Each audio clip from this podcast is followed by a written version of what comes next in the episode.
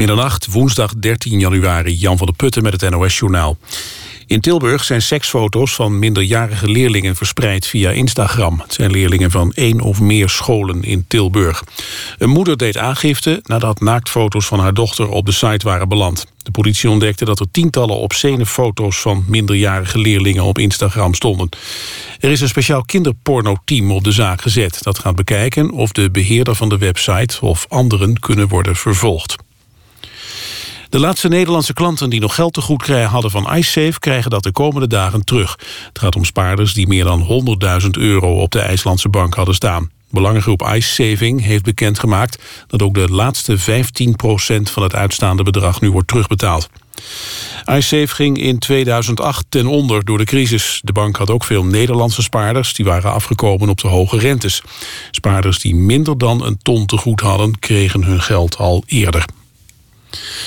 Tenminste 70 Nederlandse kinderen bevinden zich op dit moment in gebieden in Syrië en Irak die door jihadisten worden gecontroleerd. Dat staat in een rapport van de AIVD.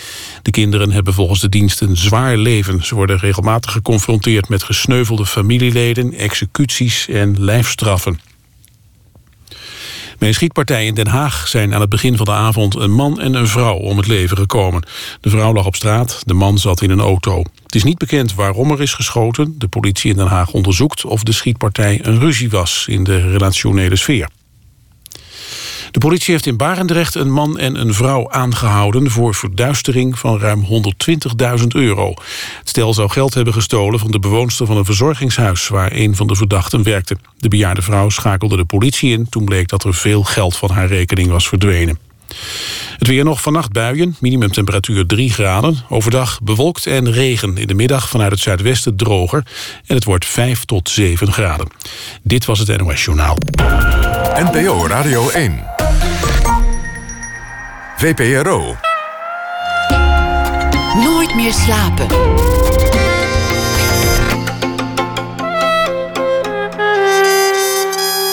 Met Pieter van der Wielen.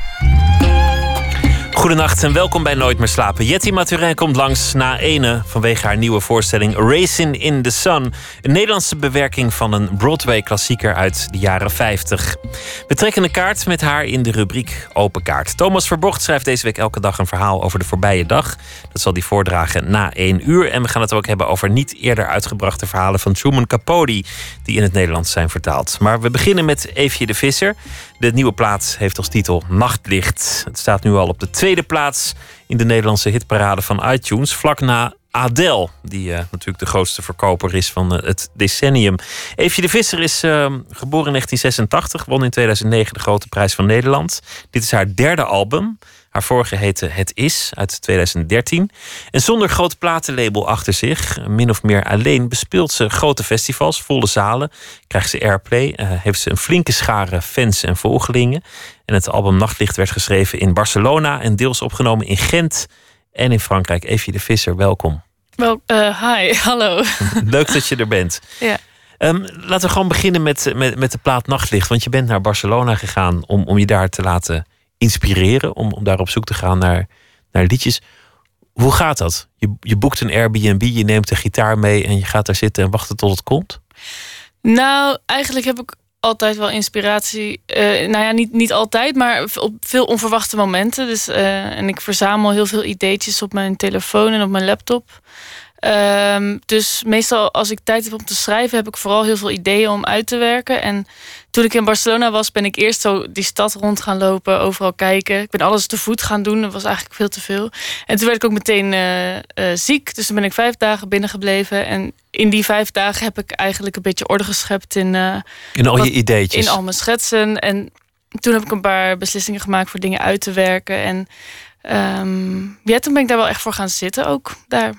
Hoe, hoe ziet zo'n schets eruit? Dan staat er iets op je telefoon. Ja. W wat is dat? Ja, dat is een, um, een beetje een, een brabbeltaaltje eigenlijk. In het Engels. En want in het Nederlands kan het niet zo makkelijk. In het Engels is het minder erg als het um, helemaal niet is. klopt of zo. Of dan, dat valt mij dan minder erg op. Dus ik uh, maak in het Engels een of andere brabbeltekst. En, maar vooral een melodie met wat gitaarakkoordjes. En ja, daar pak ik de melodieën uit die ik na, na een lange tijd nog steeds wel tof vind. En eh, dan ga ik daar proberen zo tekst in proberen te stoppen. Maar het zijn hele korte stukjes, vaak maar een halve minuut of zo. Gewoon een melodietje in het Engels met een paar willekeurige woorden. Dat hoeft niks te betekenen. Ja, hoeft nog en dat spreek je in op je, op je mobiel. Ja. En dat luister je later af. En dan, En kijk dan denk je, ik, nee, dit niet, gooi ik weg. En dit wel, dit is wel mooi. En oh, dat gooi ik weg. En, en dan, ja, god, heb ik eigenlijk altijd wel flarden liggen van van alles en nog wat. En eh, ja, dat stelt eigenlijk niet zoveel voor, nog. Zo werd Keith Richards ooit wakker met Satisfaction op zijn antwoordapparaat. Is dat zo? Ja, dat, dat verhaal gaat. Dus eh, ah, ja. ik weet alleen niet of ze antwoordapparapparaten hadden in de jaren zestig. Maar, ja, maar eh, ja, de, de, of een bandrecorder. Ja, precies. Maar je moet ook toch een, een iets hebben om het. eh, je had waarschijnlijk niet zo makkelijk opnameapparatuur toen. Hè? Nu hebben we allemaal die telefoontjes. Maar vroeger, ik kan me ook herinneren dat ik op de fiets zat. En dan ineens een enorm goed idee had, vond ik zelf. En dan snel naar huis fietsen. En snel proberen dat te onthouden. En niet, niet, ja, niet op kunnen nemen. Dat is wel heel handig nu natuurlijk. Dat je al je inspiratie direct in kan zingen. Je zei, ik begon met rondlopen en indrukken opdoen van Barcelona. Had Ja. dat iets te maken met de plaats? Was dat deel van het schrijfproces? Of was dat Hm. toerisme en ontspanning en Goh, pret? het was ook wel toeristen, toerisme en ontspanning. Eigenlijk ik ben alleen naar Barcelona geweest en dat heb ik nog nooit gedaan. Ik heb nooit alleen gereisd of alleen op vakantie geweest. Dus ik was me ook een beetje, ik was daar niet helemaal comfortabel mee in het begin. Dus het was zo van, oké, ik ben hier, wat ga ik doen? Oké, ik ga rondlopen. En ehm, ja, toen ben ik dat, dat gewoon eh, gaan doen. Ook om, natuurlijk gewoon ja, de sfeer van die stad te proeven. Veel eigenlijk toeristische dingen ook in het begin wel gedaan. Ehm parken wel. En, en ja, wat heb je daar allemaal? Allerlei dingen. Maar ik moet zeggen dat ik daar... waren zoveel toeristen, uiteraard. Waar ik er ook een van was. eh, dat ik daar niet zo helemaal veel mee had. Maar ik ben toen eigenlijk veel in, in al die buitenwijkjes ook gaan lopen. Het is meteen de eerste zin van je album, hè? Ook hier is het druk. Ja, dat is waar. Maar ik heb dat niet gemaakt in Barcelona. Maar ik ben ook heel veel eh, in Gent geweest. En, en eh, de- eh, ik ben sowieso altijd op veel plekken. Ik reis al veel heen en weer. Dus het gaat, ja, wat dat betreft, niet alleen Barcelona zit erin. Dat wou ik zeggen. Ja. Je vorige album heb ik heel veel geluisterd eh, rijdend in een auto. Het, bleek een enorm goed album om, om lekker hard auto op te rijden. Terwijl het hele rustige muziek is. Maar het is ook een soort road movie. De, de, de vorige plaat. Ja. Het is. Het gaat over reizen, over thuiskomen, over onderweg zijn, over Ja. bestemming zoeken. De, de teksten, ik heb nooit heel erg geluisterd naar wat precies de betekenis is, maar steeds komt dat thema erin terug. En, en deze plaat lijkt een beetje de sfeer te ademen van Barcelona. De warmte en de, de bries, maar Ja. ook de, de mensen die altijd in zijn voor een praatje, voor wat te feesten, voor, voor, eh, voor iets te drinken. Ja, nou, ik, ik, ik vind het heel fijn om in mijn eentje in een stad te zijn, sowieso, merk ik ook. Ik, ik woon dan in Utrecht en ik ben heel veel in Gent en ik eh, ben in Barcelona geweest. Ik hou er gewoon van om alleen in een stad te zijn, maar eh, dit is wel iets wat je, eh, wat je stil meemaakt zelf. Je bent zelf stil, je praat in principe niet met mensen en dan valt de, de drukte om je heen valt dan natuurlijk erg op. En je ervaart dat ook wat intenser dan wanneer je met iemand anders in een grote stad bent. Want dan ben je zelf ook veel aan het praten, aan het evalueren, aan het kijken wat je allemaal aan het doen bent. Maar alleen zijn al die indrukken wat sterker, heb ik het idee. Dan ben je meer op reis, ook- omdat je, ook de- dat je je richt op je omgeving en niet op je, op je reisgenoot. Ja, precies. Je bent meer, meer de omgeving en de, gewoon alles wat er om je heen gebeurt in je op nemen. En mm, de, mm, ja, ook dat, dat de mensen inderdaad, en mijn eerste zin is eh, ook hier is het druk en de mensen zijn praatgraag. Dat, is, dat valt dan ook erg op, hè? De, de drukte en, de, en je eigen je eigen stilheid daar ook weer in. Of stilheid is niet echt een woord, maar je snapt wat ik bedoel waarschijnlijk. Ehm, dus dat is hoe ik dat ja, verwoord heb in dat liedje eigenlijk.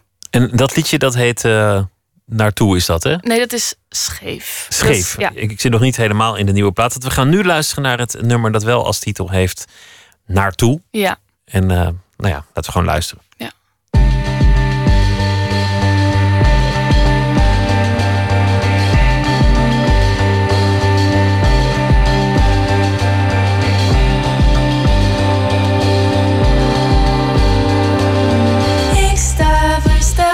Ze hebben een raam in het dak boven onze tafel gemaakt.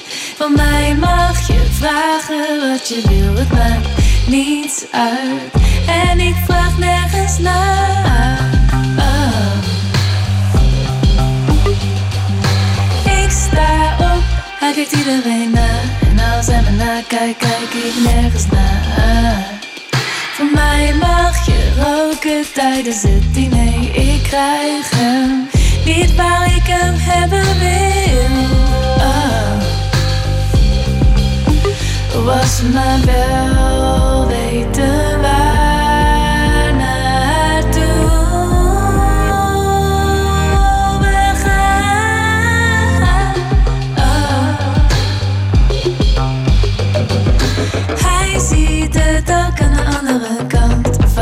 café blijft iemand helemaal alleen over. Ik denk dat je meeleeft, maar ik weet het niet.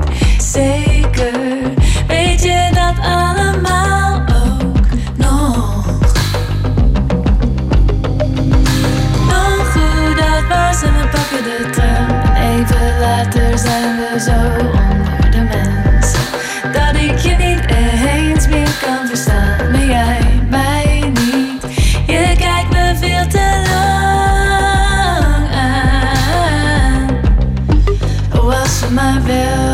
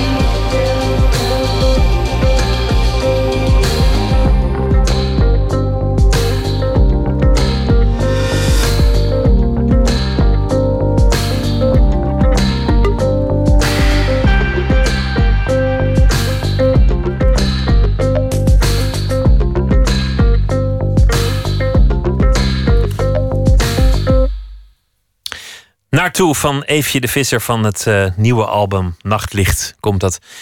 Wat kun je erover vertellen over het, eh, over het nummer, Eefje? Oeh, ehm, naartoe. En, en, eh, sowieso heb ik alle liedjes wel ge- geschreven op gitaar. Maar ik heb er eigenlijk ook veel voor gekozen om gitaar weg te laten. Omdat, ehm, nou, eigenlijk hou ik ook gewoon wel van, van producties die niet helemaal draaien om eh, het instrument waarop het geschreven is, eigenlijk, denk ik. Waardoor je het wat minder transparant maakt eigenlijk. Je, je kunt heel dichtbij blijven zoals het klonk toen je het schreef op je badkamer of je Ja. hotelkamer. Maar je kunt het ook verhullen met andere dingen waardoor, waardoor het misschien wat mysterieuzer wordt. Ja, dat is misschien ook wel wat het is. Maar het is voor mij ook wel dat ik zoveel op akoestische gitaar gespeeld heb dat ik het niet. eh, het is eigenlijk ook een instrument wat gewoon heel handig is voor mij. Om, omdat ik het gewoon ken en ik kan daar goed op componeren. En eh, het is het enige instrument wat ik echt goed beheers. Dus ik kom altijd uit bij die akoestische gitaar. Maar ik luister naar zoveel verschillende muziek. En eh, het is niet zo dat, dat ik eh, liedjes schrijf op gitaar voor mijn liefde vanwege mijn liefde voor gitaar. Het is meer dat het heel praktisch is. En ik ben blij dat ik bij dit liedje ook de band heel veel meer ruimte heb kunnen geven, bijvoorbeeld. Sowieso speel ik al nu 2,5 jaar, drie jaar met deze bezetting. En heb ik hun zo veel meer betrokken nu bij het productieproces. En zij staan nu veel meer op de plaat en zijn meer onderdeel van, ja, van mijn act ook bijna. En, dit, dit is meer een bandplaat. Je, je, begon met een plaat, toen was je echt eh, de koek. Toen was je echt een singer-songwriter met, met liedjes. De tweede plaat was al veel meer sferen die je op, opriep. Het was wat langgerekter. En nu, ja, de, de, de elektronica, die, die hebben zich wat, wat opgedrongen. Maar het klinkt ook veel meer zoals het live zou klinken. Zoals je op tournee Ja. eigenlijk al klonk. Dat klopt ook wel. Want eigenlijk, we hebben met Het Is een, een, een vrij eh, ingetogen, introverte plaat gemaakt. Heel eh, redelijk minimalistisch, denk ik. En vervolgens, en dat was ook trouwens een hele, een hele, hoe zeg je dat? Ja, eigenlijk echt een akoestische, warme, sussende plaat. En vervolgens wilden we festivals gaan doen, maar dat paste natuurlijk eigenlijk niet. Maar toen zijn we die liedjes van die plaat zo gaan uitwerken tot iets wat eh, wel op festivals past. En eigenlijk kan je dat, je, natuurlijk... dat je voor een groot veld staat op een groot podium. En dan moet je wel iets, iets brengen wat, wat een beetje energie ja, wat de brengt. energie heeft en wat, wat de mensen er een beetje bij houdt. En wat niet heel veel geduld vraagt. Want dat hebben mensen op festivals niet. Dat snap ik ook. Dat heb ik zelf ook niet als ik op een festival ben. Niet altijd in ieder geval. Eh, dus we, zijn die liedjes gaan uitwerken tot iets wat, wat eigenlijk veel feller was. En energieker en meer pop eigenlijk. En eh, dat wilde ik heel graag laten horen op deze plaat. Zonder dat het oppervlakkig wordt of zonder dat het, hoe zeg je dat, makkelijk wordt, wilde ik een popplaat maken die, die wel complex was, maar ook fris en, en catchy eigenlijk. Daar heb ik me op gericht en daar heb ik de band heel veel meer bij betrokken. En Jacob van der Waters, gitarist uit mijn band, die heeft ook de plaat geproduceerd. Ja, en die is weg van eh, ja, veel meer alternatieve R&B-artiesten ook. Ehm, zijn invloed is ook wel groot geweest op de plaat. Ik wilde in ieder geval iets doen wat een beetje atypisch was en, en helemaal niet meer het singer-songwriter ding eigenlijk. Op plaat klinkt het eh, heel erg eh, als- alsof er veel elektronica aan te pas komen. Samples en, en, en drummachines en dat soort dingen. Ik ben afgelopen zondag gaan kijken naar de try-out. Jullie waren nog een beetje aan het zoeken met, met, met hoe het moet met oortjes en het nieuwe geluidssysteem. En, Ja, en de lichtman en de, en de geluidsman en dat soort dingen. Zoals je dat hebt voor je op tournee gaat. ja. Maar het, het is echt ook gewoon een bandje dat, Ja. dat je hoort. Het is, het is wel degelijk rock and roll. Nou, Live. dankjewel. Ja, we, we spelen vrij, vrij eh, hoe zeg je dat? Eh, vrij voluit. En ze staan ook nu met hun fotootjes in de hoes en zo. Ze zijn inderdaad wat dat betreft echt een band. En ehm, ja, ik heb ook, ja, wat ik zei, ik heb er nooit echt heel erg voor gekozen om singer-songwriter te worden. Ik hou van liedjes, van goede liedjes. En, en dat kan dan heel, ja, dat kan echt Michael Jackson zijn. En ook, we hadden het net even over Frank Ocean. Dat, daar kan, dat kan het ook zijn. Maar dat kan ook Bon Iver zijn. Of, of juist, of Carole King of whatever, maakt niet uit. Als het maar een mooi liedje is. Als het een mooi liedje is, dan kan het eh, wat mij betreft alle kanten op. Maar ik heb niet zo heel veel, eigenlijk gek genoeg, met het alleen maar akoestische gitaar en zang. Ik hou wel van, meer, van een productie die gewoon wat meer om het lijf heeft. Ehm, juist de studio vind ik zo'n coole plek waar je kan experimenteren met sound en met partijen. En waar je dieper op die muziek in kan gaan. En een liedje kan natuurlijk zoveel vormen aannemen. Je hebt het geschreven op gitaar, je kan het zo houden. Je kan het op piano spelen, je kan het met orkest uitwerken, je kan het met elektronica doen. Je kan zoveel kanten mee op. En dat heb ik wel, daar heb ik wel mijn, me in uit willen leven eigenlijk. Je Ja. wil eigenlijk niet echt een meisje met gitaar zijn. Vol- volgens mij zou je ook niet snel een protestliedje schrijven. Als een soort eh, Ja. Bob Dylan van nu. Ja, Een, een, een liedje met een boodschap waar het heel erg om de tekst draait. Dat, dat is niet Ja. waar Eefje de Visser over gaat in essentie. Nee, zeker niet. Ik vind het ook soms moeilijk om maatschappijkritisch, denk ik, te zijn, omdat ik het gewoon heel complex vind allemaal. En eh, soms vind ik het bijna moeilijk om een standpunt in te nemen over dingen. Om- Omdat ik gewoon zie dat het behoorlijk ingewikkeld is allemaal. En je ziet, eh, ja. eh, Maar ook de ik, tekst vind staat dat, niet- daar, daar begin ik al niet eens aan om een protestlied te maken, zeg maar. Maar de tekst Ja. is soms associatief. En ehm, de zang is ook vaak net iets zachter ingemixt op, op jouw albums. Terwijl, terwijl singer-songwriters die zouden dat net wat harder doen om de, om de tekst Ja. heel erg naar voren te brengen. Bij jou moet de tekst opgaan in de muziek, heb ik de indruk. Ja, maar ik, ik, heb, ik moet ook zeggen, ehm, het is niet zo dat ik heel erg geen singer-songwriter wil zijn. Ik ben dat op zich wel, maar ik, eh, ik in de zin van ik maak mijn ei- eigen liedjes wel. En het is niet zo dat ik me daar heel erg tegen af wil zetten of zo. Ik wil gewoon iets, iets nieuws bedenken eigenlijk. eh, en, en, en ja, eh, met nieuwe geluiden aan de slag. Dat vind ik vooral heel leuk. Eh, en qua tekst klopt wel dat ik inderdaad niet super goed articuleer. En ik krijg veel, ook wel vaak te horen dat ik niet altijd even goed te verstaan ben. Maar in het Nederlands vond ik in het begin ook altijd een moeilijke taal om in te schrijven. Omdat de klank van Nederlands me in eerste instantie niet zo aansprak. Dus ik ben eigenlijk van het begin af aan dat ik Nederlands schreef, ben ik zo op zoek gegaan naar een manier om die taal een soort zachter te laten klinken en ronder. En ik vind het belangrijk ook dat tekst, zoals bij Engelstalige muziek, soms pas in een in derde instantie of zo tot je komt. Want ik heb vaak het idee dat als er in het Nederlands wordt geschreven, dat de taal dan ook meteen meest op de voorgrond komt. En dat is eigenlijk, vind ik jammer. Ik, ik heb zo vaak bij Engelstalige muziek dat ik daar in eerste instantie nog niet op gericht ben. En dat wil ik eigenlijk met, met mijn muziek ook. Dat je in eerste instantie niet doorhebt dat het om die taal draait. Dat het in het Nederlands is. eh, Ja, Je begon al heel jong, want op je achtste wist je al dat je, dat je uiteindelijk muzikant zou worden, heb ik ergens gelezen. Oh, dat. eh, nou, ik heb, ik, heb, ik heb van alles willen worden. Maar ik moet wel zeggen, ik kom uit een vrij muzikaal nest. Dus dat is. Ik heb wel van jongs af aan mu- muziek heel leuk gevonden. Maar goh, ik wilde, ik wilde ook eh, andere dingen worden ooit. Dus- Wat wilde je nog meer worden? Nou, danseres natuurlijk. Natuurlijk. ja.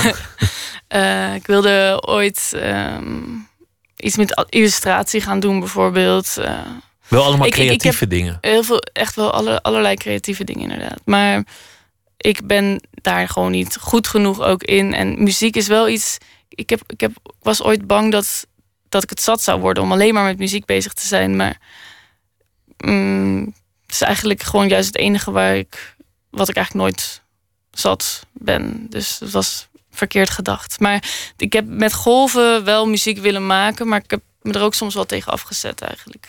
Want jouw ouders waren al muzikant, professioneel of, of amateur? Mm, Semi-professioneel, denk ik. Maar mijn Dus, dus vader tamelijk fanatiek.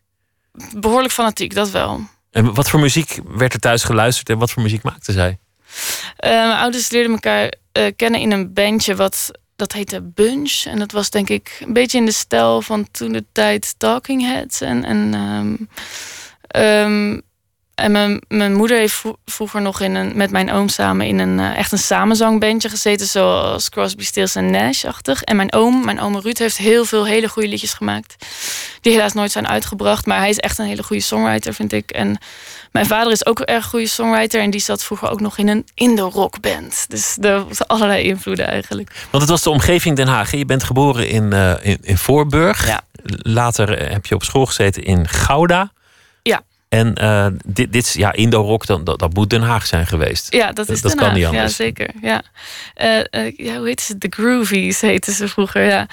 Maar goed, dat was toen hij echt twintig was of zo. Hè. En, en later met mijn moeder in een band was het dus al alweer wat anders. Maar wel echt bandjes met veel samenzang. En echt, ook echt wel eh, ehm, popliedjes. Echt duidelijke melodieën, duidelijke akkoordenschema's. Zo. Eh, ze waren meer, denk ik, Beatles dan Rolling Stones bijvoorbeeld Het moest, moest ook wel mooi wel muzikaal degelijk op een zitten. bepaalde manier. Dat, dat, eh, ja, heel mooi muzikaal, eh, zorgvuldig uitgewerkte, gecomponeerde muziek. Ja. Wa- Wanneer ging je zelf liedjes schrijven? Dat was wel, toen ik elf was of zo, had ik al wel mijn eerste tekstjes en melodietjes. En vanaf dat, eigenlijk vanaf mijn elfde. En eerst in het Engels, want, want dat is volgens mij niet iets wat je meteen in het Nederlands doet. Nee, ik, ik, ik luisterde bijna alleen maar naar Engelstalige muziek. En ik ben dat dan ook gaan doen. En eh was natuurlijk in het begin allemaal wel heel puberaal, denk ik. En, ehm, maar ook af en toe wel iets in het Nederlands gemaakt. Maar ik vond het Nederlands niet zo fijn om in te zingen. Het viel me te veel op, allemaal die tekst. En ik wilde zo En het legt ook te veel de nadruk erop. Als je, dan, dan wil je het meteen goed doen. Dan wil, wil je ja, meteen misschien dat het wel. Het kost ook echt veel meer moeite, moet ik eerlijk zeggen. Om het eh, in het Nederlands. Het kost mij echt wel veel moeite om een Nederlandse tekst te schrijven en om daar dan tevreden over te zijn. Eh, in het Engels, toen ik nog in het Engels schreef, waren mijn teksten veel minder goed, maar ik besteedde er ook veel minder aandacht aan. En in het Nederlands kan je er gewoon niet weinig aandacht aan besteden, want het valt zo op. Dus ja, ik probeer dan, ik ben daar lang aan, aan, aan het sleutelen om te zorgen dat die tekst niet te, te, veel ja, eh, nou, dat hij goed is en dat hij, dat hij mooi in de muziek verweven is. Zo. Want je begon op je elfde in het Engels. En als tiener heb je een tijdje gecorrespondeerd met de grote dichter Leo Vrooman. Die in, in Amerika woonde, we- wetenschapper en, en dichter. Dat, dat was een project vanuit school. De, de school werd omgedoopt tot het Vrooman College of eh, Ja, de, de Vrooman School. Of ik, ik, ja weet niet G- wat het was. GSG Leo Vrooman. En, en zodoende was er een project. En toen heb jij eigenlijk voor het eerst, volgens mij, als ik het goed begrepen heb, in het, in het Nederlands gezongen. Ja, dat, dat kan wel zijn. Ik denk dat het inderdaad toen voor het eerst was. Want ze vroegen mij of ik iets wilde doen, iets muzikaals met de feestelijke heropening van de school. En toen zei ik: Oké, ik wil wel teksten van hem op muziek zetten. En dat heb ik toen gedaan. En toen heeft Leo uh, eigenlijk uh, mij een keer gemaild, denk ik. Dat hij het zo mooi vond. Vond ik echt super leuk. En uh, toen hebben we een tijdje met elkaar e-mailcontact gehad. Ja. Je wordt vaak geroemd om je, om je poëtische teksten. En, en je bent ook wel eens gevraagd om in juries te gaan zitten. of om, om iets te zeggen over poëzie. of om, om daar een soort stem in te krijgen. Maar het is niet oorspronkelijk de hoek waar je vandaan komt. Het, had toch niet echt met poëzie te maken. Nee, um, ik merk echt dat ik tekst schrijf voor. Ik heb uh, een heel erg behoefte aan woorden en aan teksten maken, omdat ik dus die. omdat ik muziek maak eigenlijk. En, en ik zou ook nooit een tekst schrijven of een gedicht maken zonder muziek. Dus die muziek heb ik wel een beetje nodig om die woorden ook uh, uit me te trekken bijna. Maar het, het brengt, wel, brengt wel ook iets in me op gang wat ik zelf heel interessant vind. En vroeger had ik er niet veel mee met tekst. Of ik vond het moeilijk in ieder geval. En in, inmiddels vind ik het heel interessant en leuk om daarmee bezig te zijn. En ja, tuurlijk, het is zo'n groot onderdeel van wat ik doe ik, uh, ja, ik ben echt wel van meer van tekst gaan houden dan uh, toen ik Engelstalige muziek maakte nog. Het is best moeilijk om, om de vinger erop te leggen wat, wat er nou precies textueel gebeurt in je, in je liedjes. Het, het begint met een en of een ook of een, een of. Dus een, een opsomming van iets dat daarvoor is waar jij middenin valt als, als luisteraar. En soms houdt het ook even abrupt weer op. Ja. In een zin of in een, in een flart. En toch ontstaat er een, een verhaal. Maar het is, het is meer een soort stroom. Ja. Denk, je, denk je daar heel erg zo over na? Of kijk je ook gewoon van, nou ja, nu past het in de muziek? Of... Um, ik heb globaal wel, wel uh, een idee natuurlijk van waar ik het over heb. Maar ik, ik merk wel dat als ik aan het schrijven ben, dat ik vooral bezig ben met het visuele van schrijven ook. Dus ik vind het dan tof als je iets voor je ziet als ik het zing. Dus als ik ook iets voor me zie. Een plaatje. Of als ik een plaatje voor me heb of eh, ik heb, ik heb een, een bepaald beeld of een situatie in mijn hoofd en dat beschrijf ik gewoon met letterlijk wat ik zie, welke kleuren of, of ja, van alles. Op allerlei manieren kan ik dat omschrijven. En ik ben veel bezig met die plaatjes eigenlijk schetsen. Alsof je een, een filmpje voor je kan zien of een, of een fotoboek inkijkt. Of, dat vind ik heel interessant. Ook ik merk zodra, zodra iets ja, te duidelijk wordt, of ik heb niet de behoefte om een afgerond verhaal te vertellen of zo. Want ook maar dat is ook niet rock'n'roll. Dat, dat doen ze in het Engels eigenlijk ook niet. Ik bedoel, dan zing je ook baby, oh yeah, yeah, baby. Ja, maar ik. En dat mag. Ik bedoel, het hoeft, Ja. het hoeft niet altijd een kop en een staart Dat is te hebben. waar, maar ik vind ook dat er. Ik ben wel heel erg bezig met eh, iets aan het maken. Te, aan, eh, te maken wat, wat, wat, meer, wat wel diepgang heeft en poëtische waarde of zo. Ik, daar ben ik absoluut mee bezig. Het is geen. eh, het is niet een, een, een, gewoon een, een oppervlakkige invulling van de, van de muziek. Maar ik bedoel meer te zeggen. Eigenlijk is er vaak een situatie waar ik zelf ook nog geen antwoord heb op dingen. Of, of een, een situatie waar ik middenin sta op dat moment. En ik schrijf over op het moment dat ik er middenin sta. En niet op het moment dat het is afgesloten, bijvoorbeeld. Of het moment, er is ook nooit een duidelijk begin voor mij. Situaties zijn vaak niet zo, eh, niet zo duidelijk eigenlijk. En eh, hoe ik Zoals dat de vorige plaat. zo komt het eigenlijk in die liedjes terecht. Zeg maar. Want de, de vorige plaat, ik, ik noem het een roadmovie, maar het gaat heel erg. Alle thema's die, die komen overeen met, met van huis gaan en, en aankomen en, en zoekende zijn. Dat komt dan voort uit iets dat, dat in jouw leven speelt op zo'n moment. Ja, sowieso. Het, het- alles wat ik schrijf komt voort uit eh, wat ik eh, meemaak of waar ik over nadenk. Of soms fantaseer ik ook dingen die niet bestaan, maar dan. eh, eh, of, of, of in ieder geval de, de, de plaatjes zijn soms wel verzonnen. Maar de situatie waar ik over schrijf is wel echt.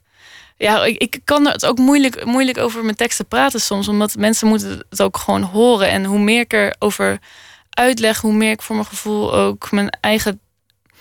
eh, kijk, kijk, als ik een duidelijk verhaal te vertellen had, zou ik een duidelijk verhaal kunnen vertellen. Maar Een opinieartikel of een ingezonden bijvoorbeeld, brief. of ik, ik, ik, ik zou. Dit is iets wat mensen op hun eigen manier moeten beleven. En ook waar ze zelf in moeten zitten, denk ik. Eh, als ik erover praat, voelt het een beetje apart, omdat ik van tevoren nooit zo'n duidelijk idee heb van waar ik over schrijf. En achteraf moet ik er vaak heel veel over praten, maar het is gewoon iets wat mensen moeten beleven en horen. Het is misschien ook wel ik. mooi als mensen er iets heel anders uithalen dan, dan er ooit inge- ingestopt is. Ja, maar dat gebeurt ook heel vaak. De mensen hebben wel allerlei uiteenlopende interpretaties van die liedjes. En dat vind ik ook eigenlijk wel tof. Ehm, maar wat ik, wat ik zeg, ik probeer vooral een, een bepaalde, een bepaalde kleur en een sfeer en een, en een plaatje te schetsen. En ik hoop dat mensen dat ja, meekrijgen eigenlijk. Het is ook een nachtplaat. Nachtlicht heet de plaat, maar, maar veel gaat ook over, over de nacht. Wakker is, eh, is, is een stuk. Wil je er iets over zeggen voor we ernaar gaan luisteren? Ah, wakker. Eh, Oeh, wat zal ik daarin zo over zeggen? Het is een van de meest akoestische liedjes die erop staat eigenlijk. Ehm, heel eenvoudig gemaakt. Ik heb dat helemaal in Gent gemaakt met Pieter-Jan Koppians. Ehm, en eh, ja, veel... ehm, Goh, het is een liedje waar ik ook een duidelijk plaatje bij in mijn hoofd had. En verder kan ik er niet te veel We gaan luisteren. Ja. naar Wakker.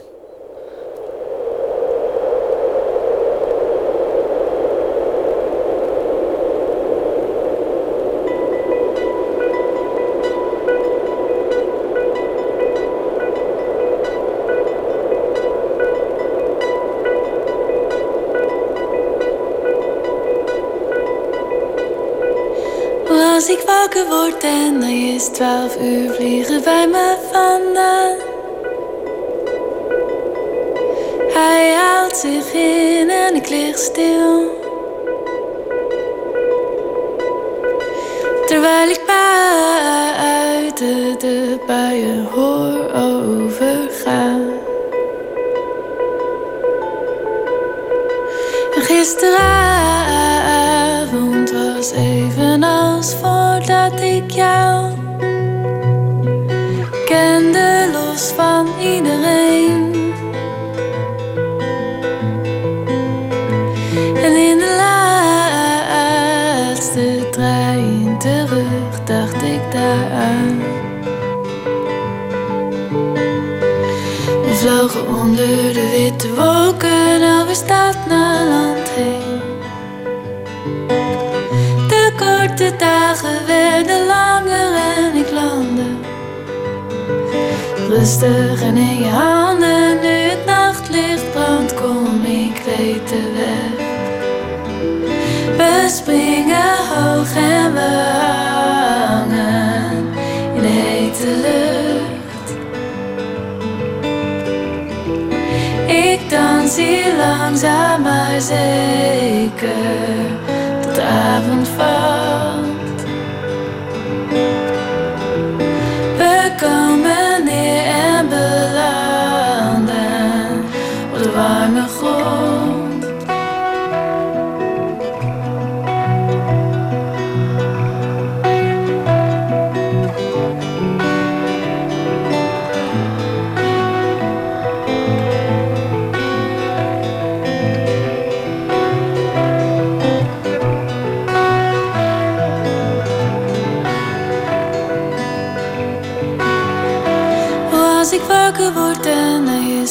uur vliegen bij me vandaan.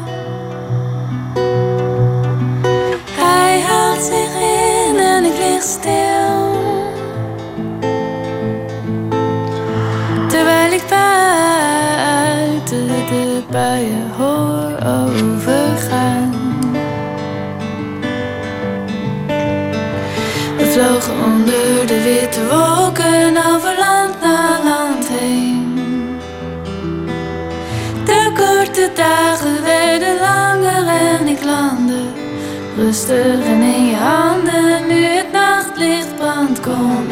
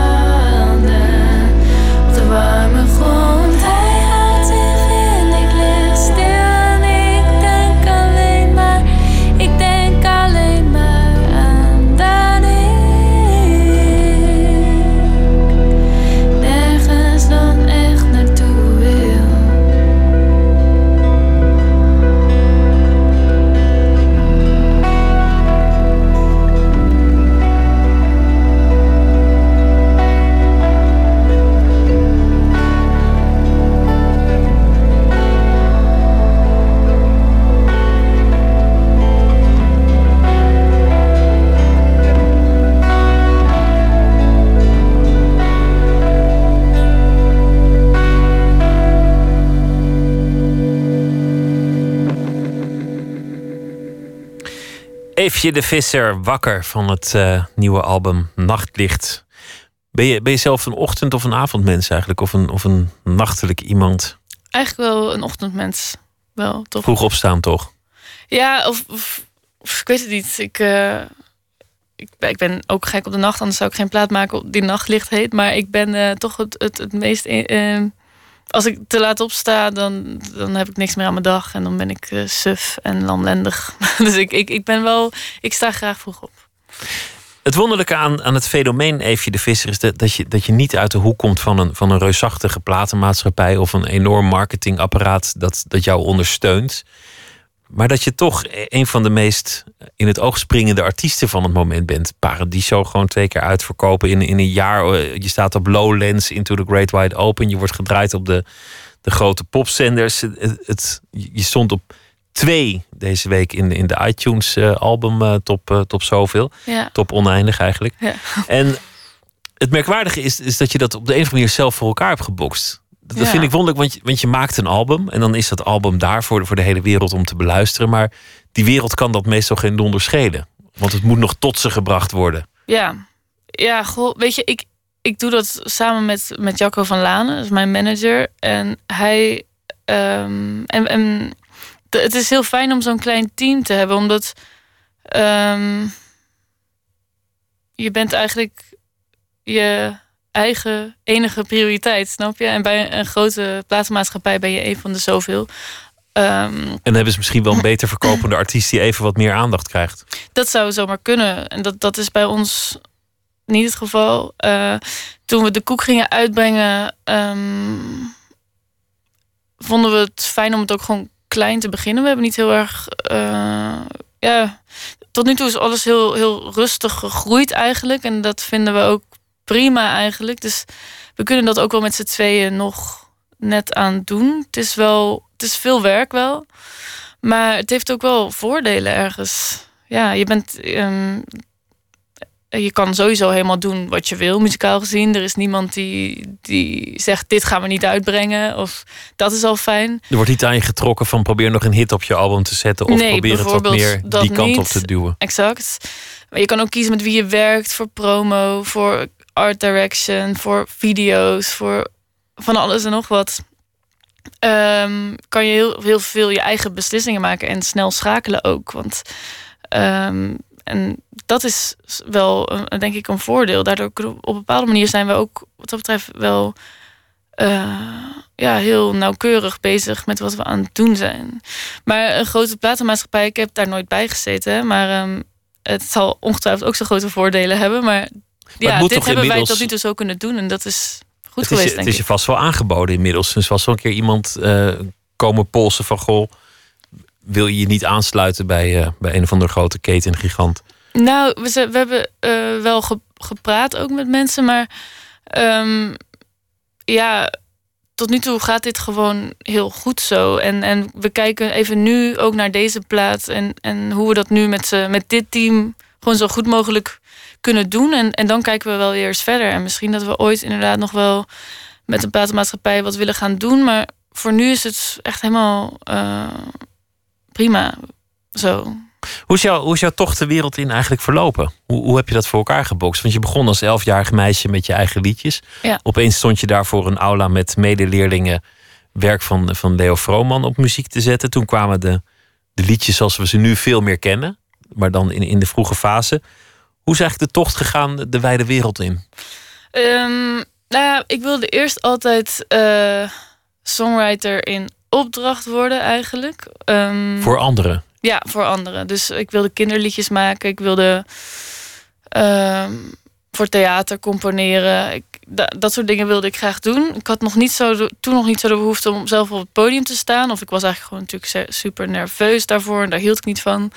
Maar toen eigenlijk gaandeweg... Ik merkte wel dat ik altijd veel eigen werk toch bleef maken. Gewoon persoonlijk werk zoals wat ik nu doe eigenlijk. En dat werd wel opgepikt. En daar kreeg ik, eigenlijk, kreeg ik hele goede reacties op.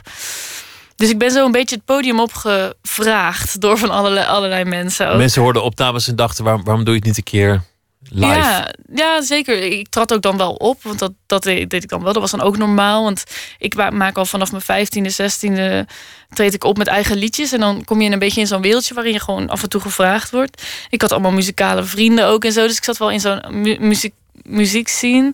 En ehm, maar toen op een gegeven moment ging ik kinderliedjes maken, gewoon vrij. Ik dacht, ik ga eens kijken wat er gebeurt. En toen maakte ik net wat, ja, wat, wat te persoonlijke, net met een randje filosofisch eh, tintje zat er dan aan. En, eh, Dingen die de soort- achtjarige al lang niet meer zou begrijpen. ja, precies. Het werd in ieder geval een stukje te abstract allemaal, denk ik. Dus, eh, maar toen had ik wel door dat die Nederlandse taal me wel lag.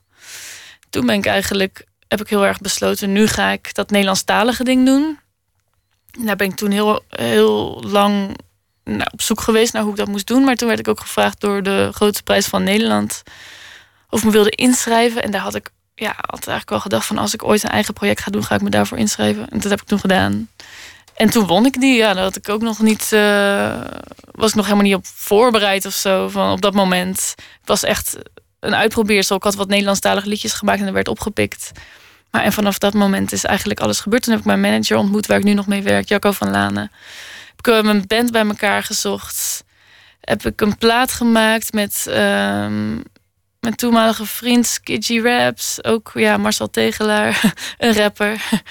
En eh, hij maakte eigenlijk alleen maar hip-hop producties. En ik heb met hem toen de koek gemaakt, wat zijn eerste. En ja, hij werkt nog steeds voor jou, hè? Want, want, want hij dit- mixt, heeft deze plaat gemixt, ja. ja. De productie is, is, eh, door, is, hebben we met, eigenlijk met een team gedaan, met Ja- Jacob van de, Water vooral. En eh, Marcel heeft hem gemixt. Ja. Grappig dat je dat, je dat noemt, de- je ex-vriend, de rapper die produceert. Want er is ook een gekke verwantschap van jouw muziek met, met, met rap. Je noemde ook Frank Ocean. Maar ook in, in textueel opzicht lijkt het soms een beetje op, op rap wat je, wat je aan het doen bent. Ja. Daar zou je dat ook met zoveel vrijheid doen, de, de, de taal. Ik vind ook wel eerlijk gezegd rap best tof. Ik hou gewoon van hoe er, hoe er met taal wordt omgegaan. Dat is gewoon ehm, alleen maar punchlines, zeg maar gewoon vette zinnen die heel vet rijmen en waarmee je eigenlijk alleen maar de hele tijd zegt dat je de beste bent. Op allerlei verschillende manieren. Al die zinnen bij elkaar stoppen in één lied. En dat is het. Maar dan heel creatief en geniaal met taal bezig zijn. En, en ook jezelf de hele tijd proberen te overtreffen. En andere mensen ook proberen te overtreffen. Dus mensen, ja, ik vind ook in de Nederlandstalige hip-hop. Dan vind ik dat er wel echt toffe dingen gebeuren. Ehm, maar het is niet zo dat ik me bewust heb laten inspireren door, door rappers. Maar dat zit wel, denk ik, een beetje in mijn bagage gewoon. Dat, ik heb heel veel rap gehoord, heel veel hip-hop. Er zit ook in wat je vertelde een, een, een soort worsteling met, met, met het licht. Of je wel daar in, in het middelpunt op het podium wil staan met, Ja. met de grote lampen op je. Dat, lijkt zo- zelfs een soort ongemak in te zitten, zoals je het vertelt. Je wilde eigenlijk Oh. achter de schermen voor anderen. Ja. Is, dat, is dat iets wat je hebt afgerond, die, die worsteling? Ja, heel Er gewoon erg. bij neergelegd? Oh ja, zeker. Nou, eh, toen ehm, in, de prijs van de grote, eh, in de tijd van de Grote Prijs van Nederland, toen was ik nog wel wat, wat eh, oncomfortabel daarmee. Maar ik vond het ook wel leuk genoeg om wel- toch wel te doen. En ik denk dat ik vooral een beetje verlegen was op het podium. Maar inmiddels is het. Ja, vind ik het echt fantastisch. Ik vind het echt te gek om te doen. Ik, ik vind- Leuk om daar ben- te staan en, en je fans te ontmoeten en, en ja, te zien. dit is En- echt waar ik het voor doe. Ook voor live spelen. Ja, voor, voor platen maken ook. Maar ook live spelen. Ik zou dat nooit, nooit willen missen. En ik denk ook... eh, ja, al die verlegenheid toen. Het was eigenlijk allemaal een zonde om me daardoor te laten tegenhouden, denk ik. Want het zit juist een onwijs podiumbeest in mij. Hè? maar ik het is wel grappig. Je Ik wordt- hou er echt van. Heel Je erg wordt in nu. artikelen altijd omschreven als, als eh, vaag, dromerig, warrig, eh, eh, verlegen. Dat soort dingen. Volgens mij is het gewoon niet zo. Ja, Ik weet niet hoe dat ontstaan is, dat beeld. Maar volgens mij klopt er gewoon geen hol van. Nou ja, in ieder geval, nu klopt het niet meer. Maar vaag, dromerig. Ja, ik, ik weet het ook niet. Ehm, ik heb allerlei, kanten, zoals ieder mens. Ja, het ene moment ben ik erg verstrooid en, en, en misschien inderdaad een beetje dromerig. Maar op andere momenten, momenten totaal niet. En op het podium eh, laat ik mezelf nu wel van mijn meest, eh, hoe zeg je dat? Ehm, energieke kant zien of zo. Dat, dat vind ik heel tof om te doen. Om de mensen... eh, ja, om, om de mensen echt wat, wat mee te geven. In plaats van alleen maar iets, ehm, Om ook iets van te geduld te en- vragen, zeg maar. Van geduld of dat mensen alleen maar moeten luisteren. Ik wil ze echt iets meegeven naar huis. En, en, en dat mensen zichzelf vergeten. En, en dat ze mensen zich eh, vergeten dat ze in die ruimte zijn. Daar ben ik wel mee bezig op het podium. En, en daar, ja, dan probeer ik ze wel echt mee te slepen, zeg maar. We gaan luisteren naar eh, nog een stuk van het album met de titel Luister.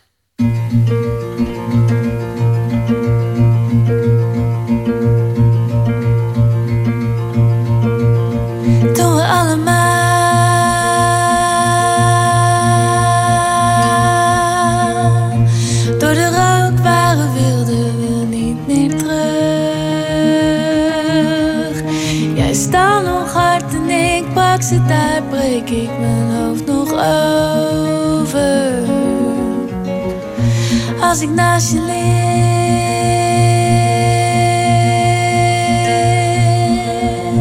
En ik denk dat ik nooit meer geen tranen wil. Ik sloeg mijn ogen open, knipperde wat en de lucht leek helder.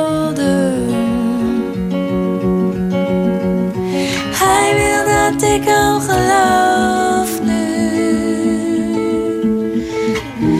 Als ik schrik van hem, kom ik niet meer zo dichtbij als ik zou willen. Hij wil dat ik luister.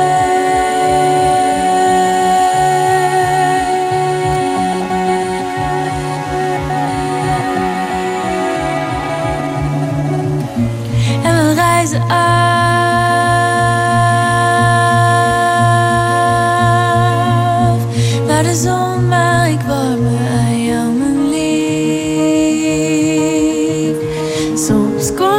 nog van de rand, staat mijn tas uit mijn hoofd in. We hebben tijd, ik probeer. Ik kan je huis uit willen rennen, ik kan zo ver weg willen zijn. Ik wil dat ik naar je luister. Er zijn donkere jaren geweest en ik hang er nog half in.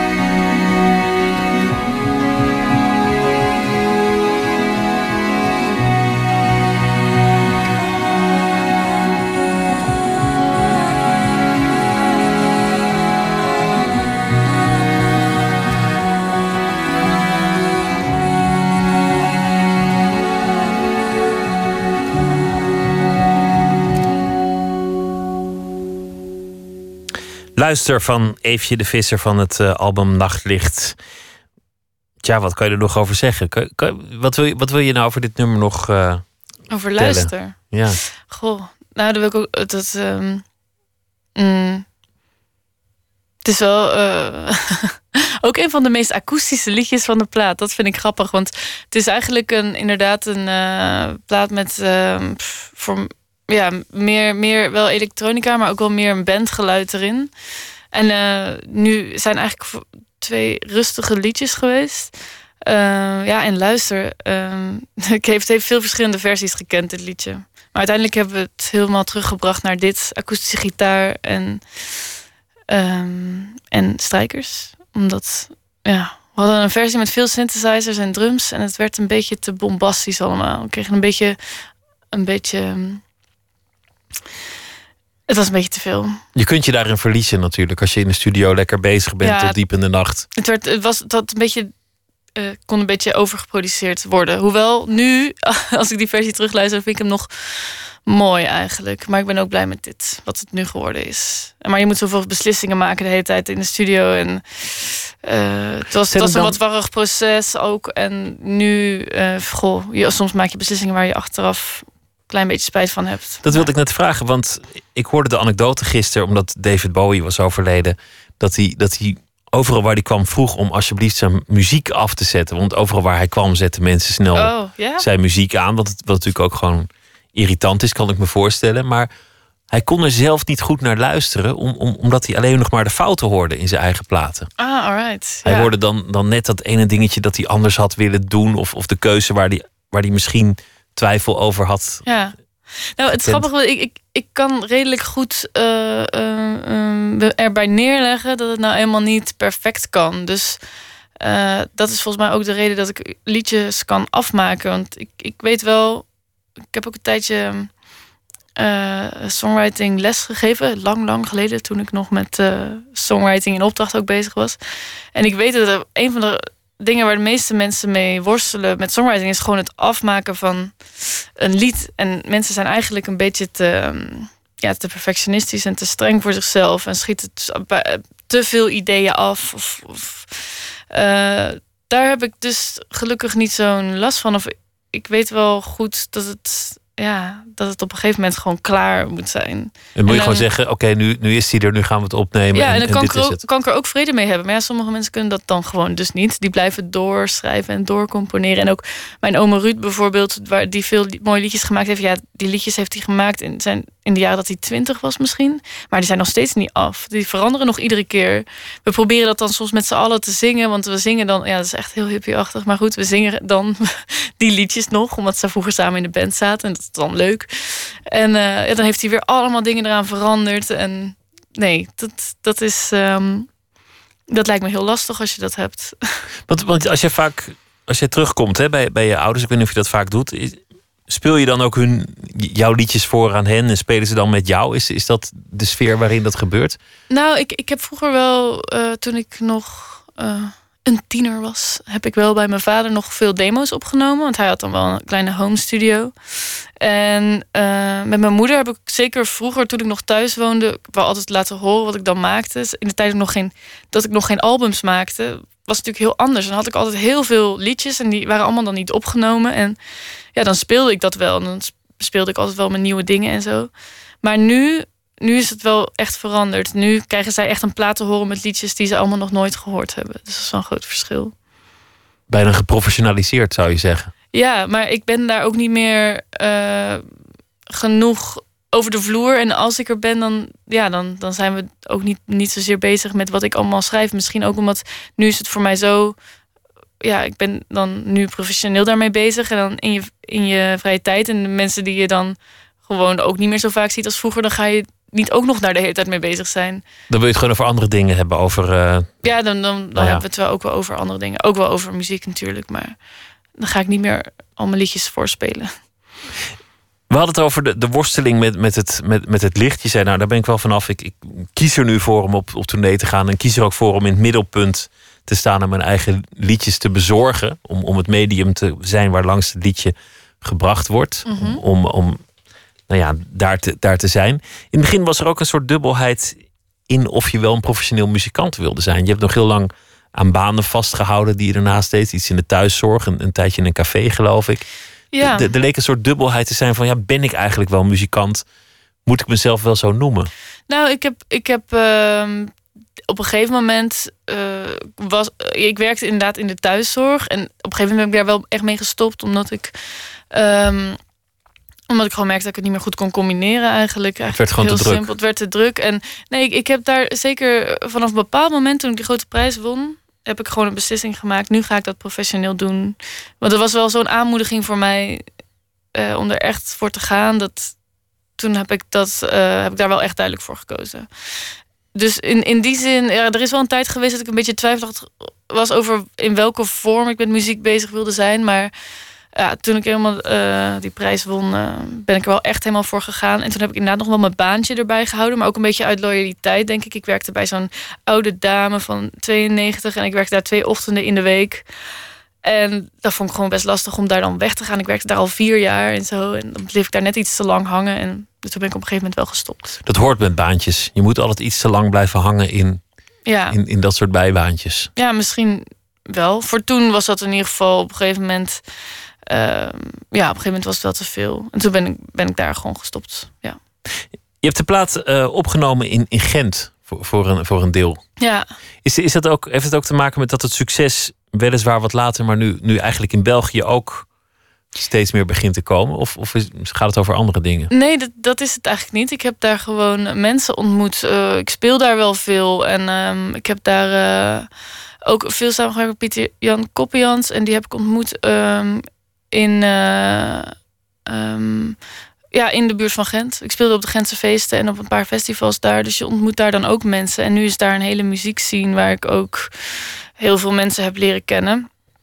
En ehm, ja, zo, ik, heb, ik heb met hem heel veel gedemoed. eh, veel pre-productie gedaan. En hij heeft qua sound ook een klein beetje eh, ja, meegedacht over de plaat.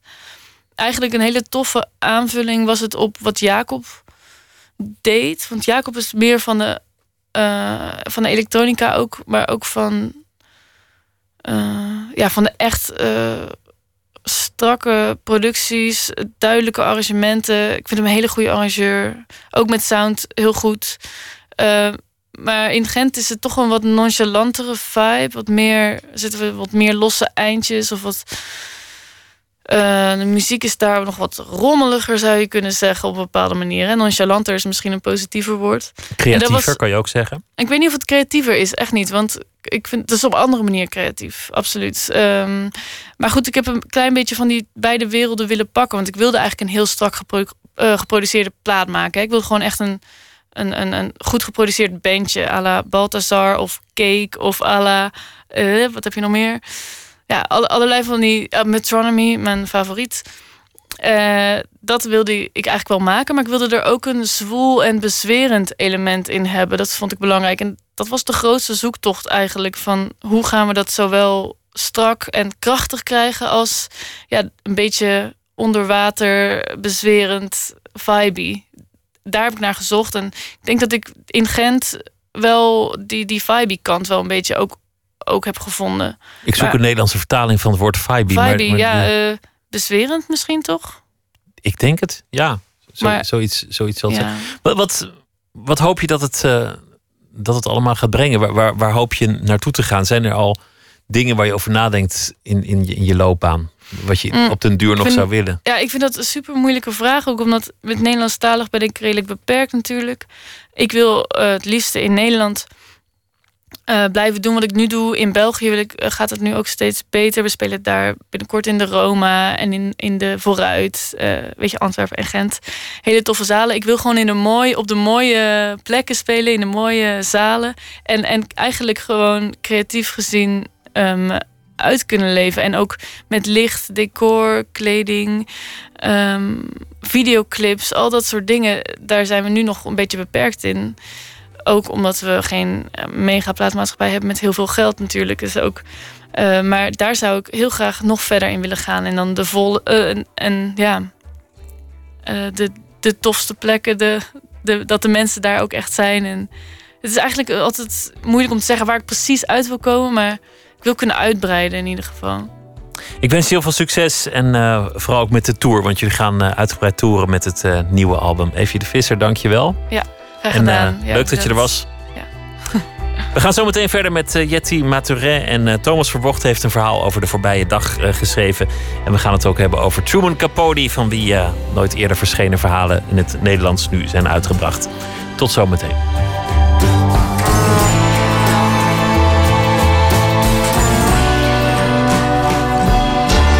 Op Radio 1. Het nieuws van alle kanten.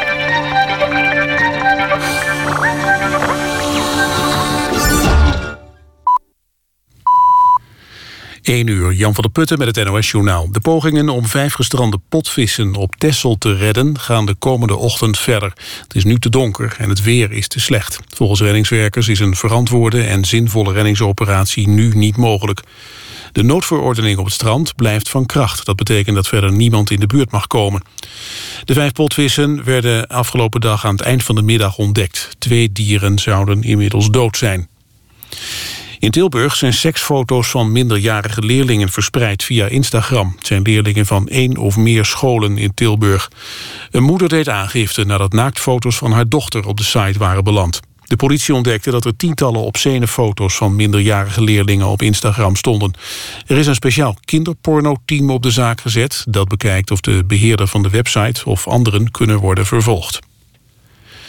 In IS-gebieden in Syrië en Irak wonen zeker 70 Nederlandse kinderen, zegt de AIVD in een rapport.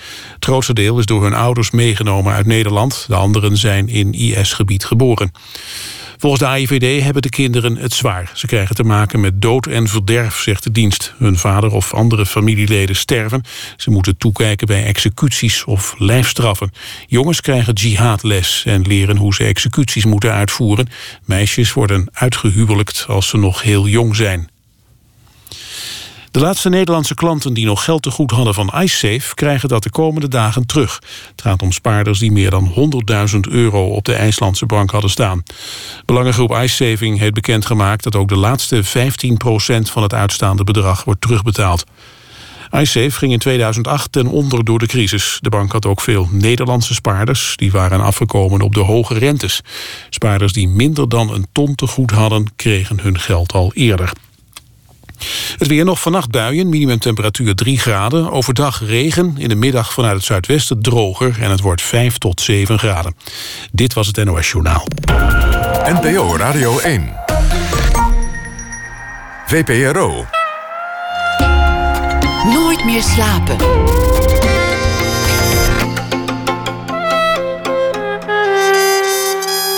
Met Pieter van der Wielen. Thomas Verbocht is schrijver van romans, korte verhalen, toneelstukken en columnist van De Gelderlander. Zijn laatste boek heet Als de winter voorbij is. En deze week zal hij elke dag een verhaal voor ons maken over de voorbije dag. En dat even na ene voordragen. Dat is nu Thomas Verbocht. Goeienacht. Goeiedag Pieter, hallo. Wat is het geworden vandaag? Het, staat, het staat meteen in de, in de eerste zin. Zal ik maar gewoon beginnen? Ja, dat is het handigst. Maar dan, dan, dan zijn we daar gelijk vanaf. Ehm, vandaag was ik op zoek naar klein nieuws. En ik las in het Parool vluchtig een artikel waarboven stond... papieren tas is het nieuwe plastic. Nu vind ik het onderwerp plastic tas zo oninteressant... dat het me uitdaagt er toch wat dieper in af te dalen... Ook omdat ik de opvatting heb dat niets, maar dan ook echt niets, oninteressant is of kan zijn. Het ligt er maar aan hoe je het bekijkt. En terwijl ik er langer dan een paar seconden over nadacht, schoot me ineens te binnen wanneer ik voor het eerst een papieren tas kreeg in plaats van een plastic. En dat me dat opviel. Dat ik dus dacht, hé, hey, een papieren tas. Hier zijn ze goed bezig. Het was de zomer van 1998 en de plaats van handeling was de studio van de KRO. Daar waren Thomas Rozenboom en ik te gast in een vrij vroeg ochtendprogramma. De avond daarvoor waren we naar een concert geweest van de Rolling Stones in de Amsterdamse Arena. En dat we dat van plan waren, was de makers van het ochtendprogramma van de KRO ter oren gekomen. Daarom wilden ze dat wij erover kwamen praten, in het ochtendprogramma dus. Ik vroeg waarom. Nou, zeiden de makers van het ochtendprogramma, dat lijkt ons zo interessant. Twee schrijvers met dezelfde voornaam die naar de Rolling Stones gaan. Ik weet niet precies hoe zoiets heet, maar volgens mij noemt men dat dit goed inhoudelijk bezig zijn. Thomas Rozenboom was in de namiddag bij mij. We hadden zin wat Stones muziek te draaien om ons voor te bereiden op de avond. Maar dat kon niet, want we moesten beide een voorgesprek voeren met een van de makers van het ochtendprogramma. Over wat wij van de Stones wisten. Wat voor een rol ze in ons leven speelden. Zeg maar dat we alles moesten vertellen wat ons te binnen schoot als we aan de Rolling Stones dachten. Bek af gingen we naar de arena. En na het fantastische concert gingen we weer naar mijn huis om na te praten. En alles te drinken waarvan we dachten dat Keith Richards het zou drinken na een succesvol concert. We konden min of meer meteen daarna naar het ochtendprogramma. En waren de band van een goed humeur, energiek ook. In het ochtendprogramma, waarvoor we van Amsterdam naar Hilversum moesten reizen, werden ons twee vragen gesteld. Aan mij de vraag hoe het concert was en aan Thomas Rozenboom of we de Rolling Stones geen oude lullen vonden. Na vijf minuten stonden we weer buiten. En nu steekt de papieren tas de kop op. Want uiteraard kregen we een fles wijn. Eén per persoon. Want dat krijg je altijd na je bijdrage aan een radioprogramma. Een fles matige wijn. En die zat niet in een plastic tas met erop het logo van de omroep. Nee, in een bruine papieren tas. En met ieder zo'n tas liepen we van de studio naar het station in Hilversum. Het regende onbarmachtig. We begonnen een beetje last te krijgen van het drinkpatroon van Keith Richards. We zeiden niet veel, want we schaamden ons voor de vragen die ons in het ochtendprogramma gesteld waren. En toen we voor het station Hilversum stonden, gebeurde het. En het gebeurde niet zomaar. Nee, het leek wel geregisseerd van, door hoge hand. De bodem van de doornatte papieren tassen begaf het. En de flessen wijn spatten uiteen op het stationsplein. We keken eerst enige tijd naar de scherven, Thomas Roosboom en ik. En daarna keken we elkaar aan. We lachten, maar we lachten tegelijkertijd ook niet. We lachten als twee mannen die eruit zagen als mannen die de weg kwijt waren. En we wisten dat het nog lang zou duren voordat er weer een orde van de dag zou zijn. Daaraan denk ik als ik lees, papieren tas is het nieuwe plastic. Nee, denk ik dan. Maar dat denk ik de laatste tijd heel vaak. Nee, nee, nee. Ja, en waarschijnlijk ook als, als uh, de KRO Radio belt met een ochtendprogramma en een bijdrage over uh, wat dan ook. Ja, dat, nee, ja. dat, nee. nee, Pieter, dat, dat, dat denk ik, nee, ik zou voortaan iets beter informeren wat de bedoeling is. Maar dat deed ik toen nog niet. Het is bijna, het is bijna weer 30, 20 jaar geleden, dus uh, een andere tijd, zal ik maar zeggen. Nou, dat, volgens mij gebeurt dat nog veel hoor bij radioprogramma's. Een, een voorgesprek van anderhalf uur voor een item van vier minuten. Ja, ik, ja, ja, ik maak het ook nog wel eens mee, ja, helaas. En dan hoor je op de achtergrond hoor je, hoor je het zo'n typemachine gaan terwijl jij antwoordt. Ja, verschrikkelijk. Verschrikkelijk is het, ja. Ja, maar het was een mooi verhaal, dankjewel. En ik, uh, ik wens je een hele goede nacht. En ik ben benieuwd naar wat je morgen te binnen schiet. We spreken elkaar morgen. Oké, okay, Pieter. Tot morgen, Thomas. Bye bye. Uit Londen het uh, duo Touring Breaks, van wie binnenkort een nieuw album uh, zal verschijnen met als titel Lost Property, waarvan gedraaid wordt Keep Me Around. Naysayers did. I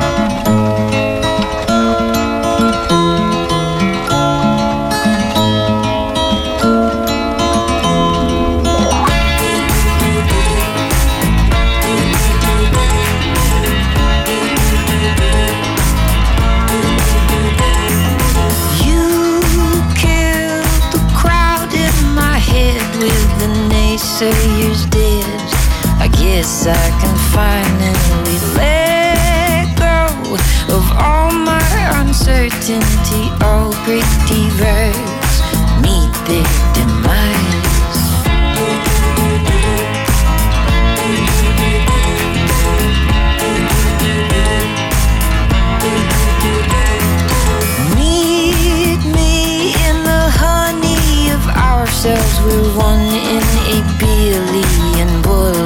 of love. We'll lie helpless and happy if heaven's the edge. What lies above? If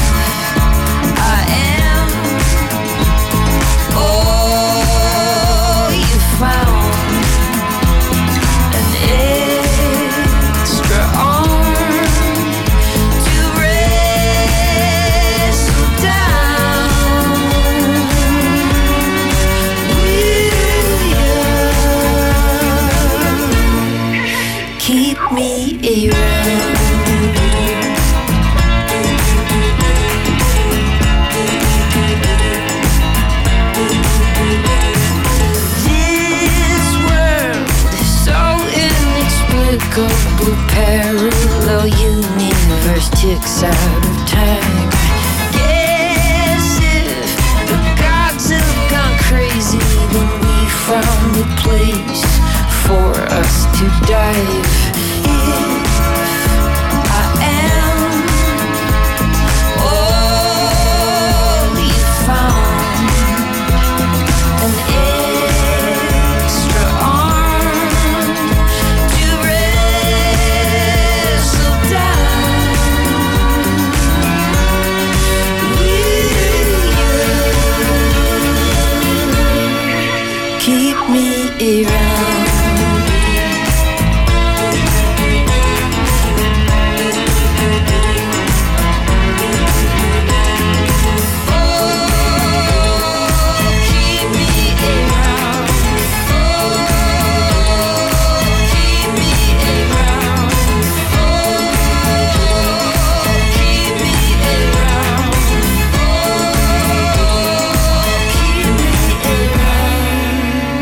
Touring Breaks met Keep Me Around.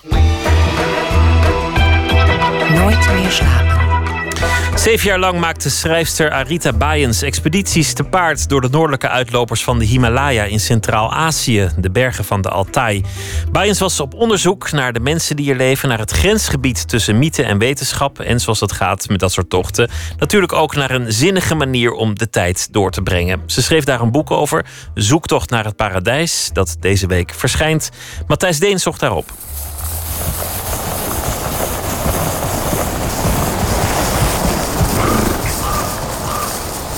Kijk, met Arita Bayens naar het hooggebergte van Altai te gaan... om daar met haar over haar reizen te praten... terwijl onze paarden schofdiep in de snelle rivier worstelen... met het onder ons doorrazende smeltwater... ja, dat was zo gauw niet te regelen. Bij gebrek aan echte bergen zochten we de hoogte in een lift van een hotel in Amsterdam. Is er mist op buiten of... eh? Op de 22e verdieping, vlak onder het dak, rondom een wijds uitzicht was. Op daken, laagland, polder en horizon. Het land beneden is het land dat Arita Bayens al jarenlang telkens weer ontvlucht. Om er toch altijd ook weer terug te keren. Ik zie ehm, polder en weiden en struiken achter deze Hans en Grietje huizen verschijnen. Ehm, en Je maakt er een sprookje van, merk je ja, dat? Ja, maar het is een sprookje. Dit is gewoon een maquette. En het leuke is van een andere eh, perspectief innemen, in dit geval de hoogte ingaan, is dat je dat gedoe beneden met een milde spot beziet.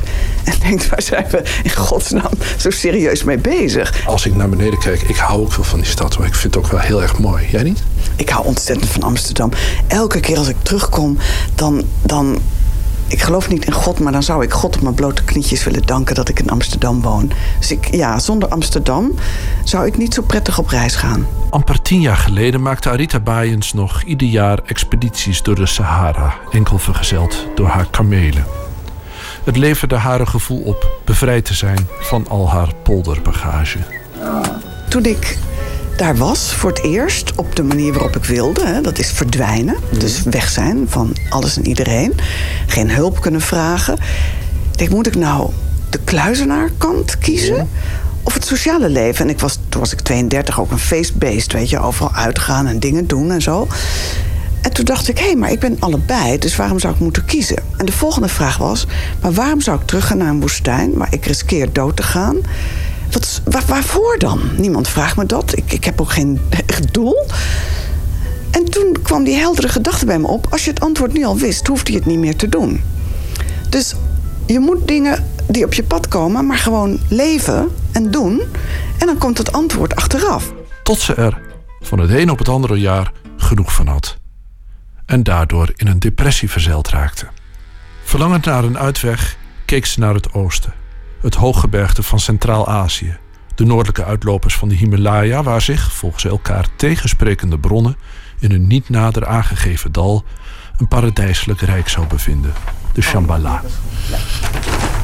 Ja, het is op de grens met Kazachstan, China, Mo- Mongolië en Rusland. Ja, ja, Zaistan. Ja, het is hier. Geknield over een kaart eh, kruipen we over de grond en ik zie een, eh, een bergachtige streek. Ja, leuk. Ik herken ook eh, namen. Ja, het is eh, de meest noordelijke bergketen van de, zeg maar, dat Himalaya-gebied. En je moet je voorstellen een mix tussen Alpen en, en de Himalaya. En omdat het eh, zo hoog is en een hele ingewikkelde geologische geschiedenis heeft... Er zijn er allemaal aardlagen over elkaar ge, ge- getuimeld. En dus heb je heel veel verschillende soorten plantjes daar... die alleen maar daar voorkomen en nergens anders. Het is gewoon de Hof van Ede. Het- Gewoon. ja, gewoon. En tegelijkertijd zo ruig als het maar kan. Dus dat, die combinatie vind ik geweldig. Een expeditie door hooggebergte dat zich uitstrekt over grensgebieden van landen die elkaar met achterdocht bezien. Met moeilijk te bereiken dalen waarin zich groepen ophouden die weinig op hebben met centraal gezag. Over nauwelijks begaande paden, half ingestorte bruggen, door chagrijnige moerassen, lichtgeraakte bergstromen en snel escalerende weertypes. Het paradijs is humeurig en de weg er naartoe is zelden aangenaam. Het verdient daarom aanbeveling niet onvoorbereid en alleen te gaan. Do not go gentle into that good night. Misschien wel daarom ontmoette Arita een verwante ziel. Die haar hart won toen hij in Venetië op een warme avond uit zijn hoofd Dylan Thomas voor haar reciteerde. En zodoende een paar jaar later met haar en gidsen van wisselende achtergrond en kwaliteit uiteindelijk de bergen introk. Overal is water daar. Weet je wel, het is sneeuw op de bergen en dat rebbelt naar beneden. Maar ook moerassige stukken waar je in weg kan zakken. Dus het. En dan ook die rotsen, kloing, kloing, daar lopen dan die paardenhoeven overheen. Maar voor mij, die, die lucht ingaan, op een of andere manier word ik daar helemaal high van. Dus wij kwamen de eerste bergpas op. Ik sta daar boven. En ik, ik alsof champagne in mijn hoofd uh, ontploft of zoiets dergelijks. Gewoon een totaal gevoel van euforie. En het grappige is, ik was met twee lokale paardenmannen. Een Chinese vriend en Wayne, mijn uh, reispartner. En die hadden, die hadden dat niet. Die vonden het wel mooi. Maar ik stond daar gewoon... Uh, ik was er niet meer. Nou, dan denk je, goed, bij één pas, Allah. Enfin, we gaan naar de volgende pas, dus weer naar beneden en weer omhoog. En toen kwam ik ergens in een bergkom. En dat, daar, daar waren uh, granieten rotsen. En daarboven met die blauwe lucht. Het was zo'n James Terrell ding, weet je. Als je naar boven kijkt, zie je alleen maar uh, zo'n schijf blauwe lucht. En toen dacht ik, oh, natuurlijk. Dit is dan wat ze een krachtplek noemen. Want je voelt werkelijk dat hier iets dat het anders is hier dan waar ik net was. Dus ik kijk om naar mijn reisgenoten, want ik dacht, hier wil ik blijven. Die waren al lang verder. Dus ik goh. Dus ik rijd hun achterna. En ik, ik, ik zie bijna een soort ergernis dan ja, in je gezicht. Ja, ik ergerde me wild, want het gebeurt zo vaak op die reis... dat ik, dan was ik ergens en dan wilde ik blijven. Verdwijnen. Natuurlijk was Arita niet in letterlijke zin op zoek naar het paradijs. Een woord dat door haar gereformeerde opvoeding in Ede toch al onder verdenking staat. Maar waar ze al helemaal een broertje aan dood heeft, is om met spirituele zwevers en zoekers geassocieerd te worden. Want aan die woorden is niks mis, maar wat ermee mis is dat ze ge, gegijzeld zijn door de religie, door de kerk. En wat ik merkte in de Altai, is dat mensen daar een heel ander begrippenkader hebben, wat je niet eens kan vertalen, want wij erkennen die dingen die zij voelen, zien, merken, erkennen wij niet. En daardoor kwam ik in verwarring. Dan zeiden ze tegen mij: ja, die berg daar, daar mag je niet eens naar kijken, die is heilig. Maar wat is nou heilig? We hebben daar niet eens, we hebben alleen maar het woord heilig. En dat, de associatie die ik daarmee heb, is een gebouw, een geloof. En gewoon zielige mensen die geloven dat er, dat er heiligen bestaan. Maar voor mensen daar en dat was voor mij de worsteling, zou je bijna kunnen zeggen. Zij leven dat landschap. Ze komen voort uit dat landschap. En dat is iets, dat kon ik maar niet begrijpen. Ik denk, ja, maar dat is toch gewoon een berg? Er zijn toch bloemetjes, die hebben een naam, die zijn mooi. En daar kan ik ook helemaal vol vervoering naar kijken. Maar ik ga niet geloven dat die bloem nou in mijn dromen mij iets gaat vertellen... wat ik anders niet te weten zou kunnen komen. Dus waar het Waar het dan om gaat is dat je geconfronteerd wordt met een manier van denken en kijken en zijn in de wereld die niet de jouwe is. En waar je niet eens bij kunt komen, omdat je niet eens weet hoe je die wereld in moet. Is dat niet juist de bevrijding dat die niet van jou is? Dus dat die onbelast is met bagage. Ik vind het ook grappig dat je in je boek ook altijd scheldt op je bagage. Dat vind ik, dat vind ik namelijk heel praktisch, maar dat vind ik ook ergens wel tekenend, metaforisch ook wel belangrijk. Ja, dat is wel een leuke opmerking. En het is ook belangrijk omdat de manier waarop ik de wereld probeer te begrijpen... is bijna zoals een kruipende baby. Die stopt alles in de mond. Die moet het voelen met, met de handjes en de voetjes en zo. En dat geldt voor mij ook. Dus ik ben niet... Ik zou heel graag filosofie hebben gestudeerd... maar ik weet, ik zou verzuipen in die boeken alleen, in dat theoretische. Dus ik moet het doen door te doen. En daarom ga ik naar woestijnen en naar Siberië. Weet je, waar het extreem is. En dan moet je op een paard en heb je modder en regen... En dat hoort er allemaal bij om uiteindelijk ja, dat geheim te kunnen begrijpen.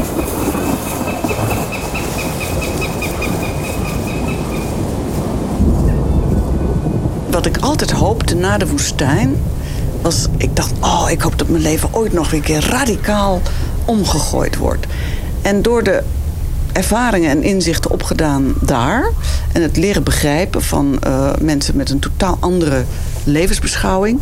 En daar in hebben kunnen duiken zonder dat ook te hoeven geloven, maar wel kunnen ervaren.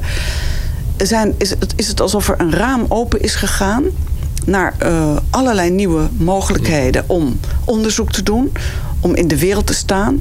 En ik, ja, ik, ben, ik sta te trappelen. Ik, ik denk, wauw, dat is te gek zeg. Ik, ik heb nog zoveel te doen. Dus er komen heel veel nieuwe plannen die mij echt uh, vervullen, omdat het niet een tijdsbesteding is, maar uh, ook iets onontkoombaars bijna. En um, daar zoek ik altijd naar. Dat iets jou vindt en je vervolgens daar gehoor aan geeft. In plaats van dat je bedenkt, goh, wat zal ik nou weer eens gaan doen? Je bent geroepen. Nee, dat ga ik niet zeggen. Nee, maar er zijn. Het leuke is, wij denken dat je kunt kiezen over uh, wat je. de belangrijke dingen in je leven. Daar geloof ik helemaal niet in.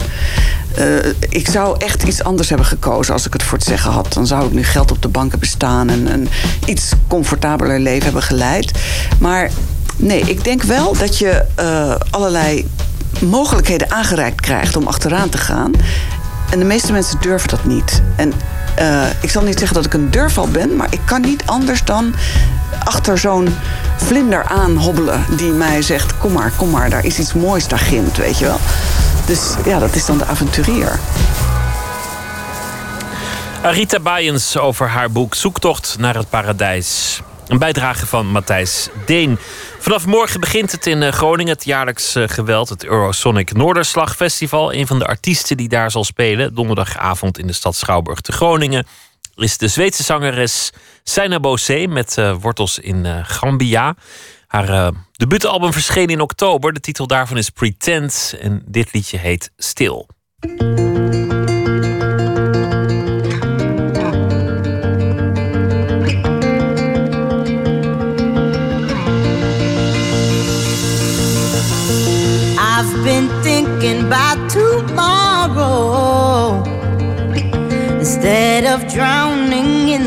Past.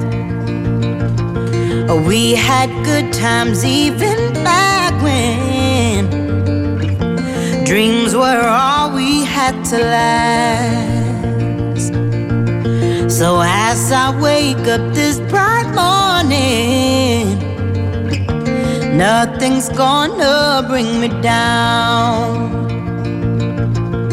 Waves are singing, wind is warming. Summer's here to stick around. I still remember me before you. I will no longer need your rescue. Said I still. Remember me before you. I'm no fool. Tell them I'm no fool.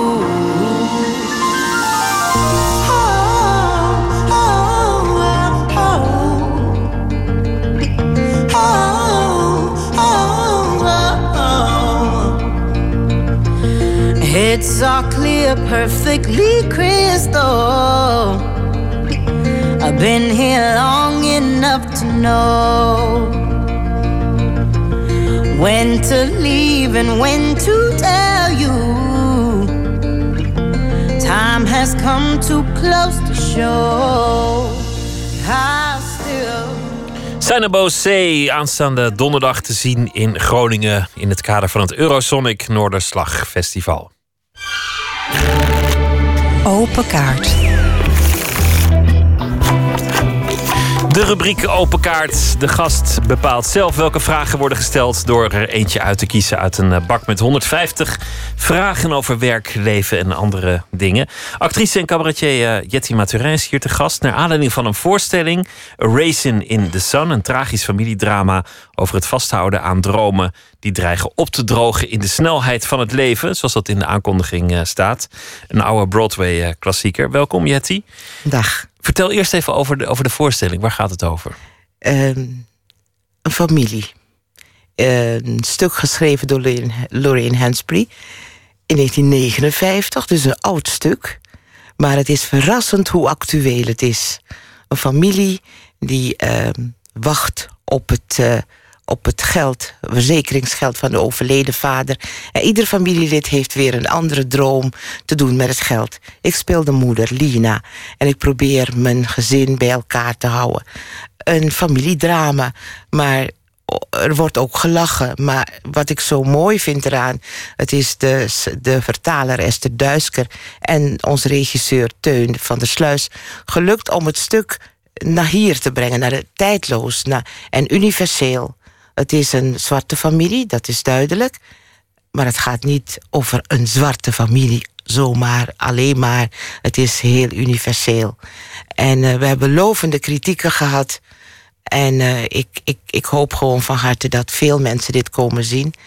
Want sommige van die Broadway-klassiekers die, die zijn nog heel erg in leven. Andere die zijn een beetje uh, verstoft geraakt. Maar dit is een heel groot succes geweest in der tijd. Een heel groot succes. Uh, een grote naam als Sidney Poitier, als uh, Denzel hebben Walter gespeeld. Wat nu wordt gespeeld door Mandela WW.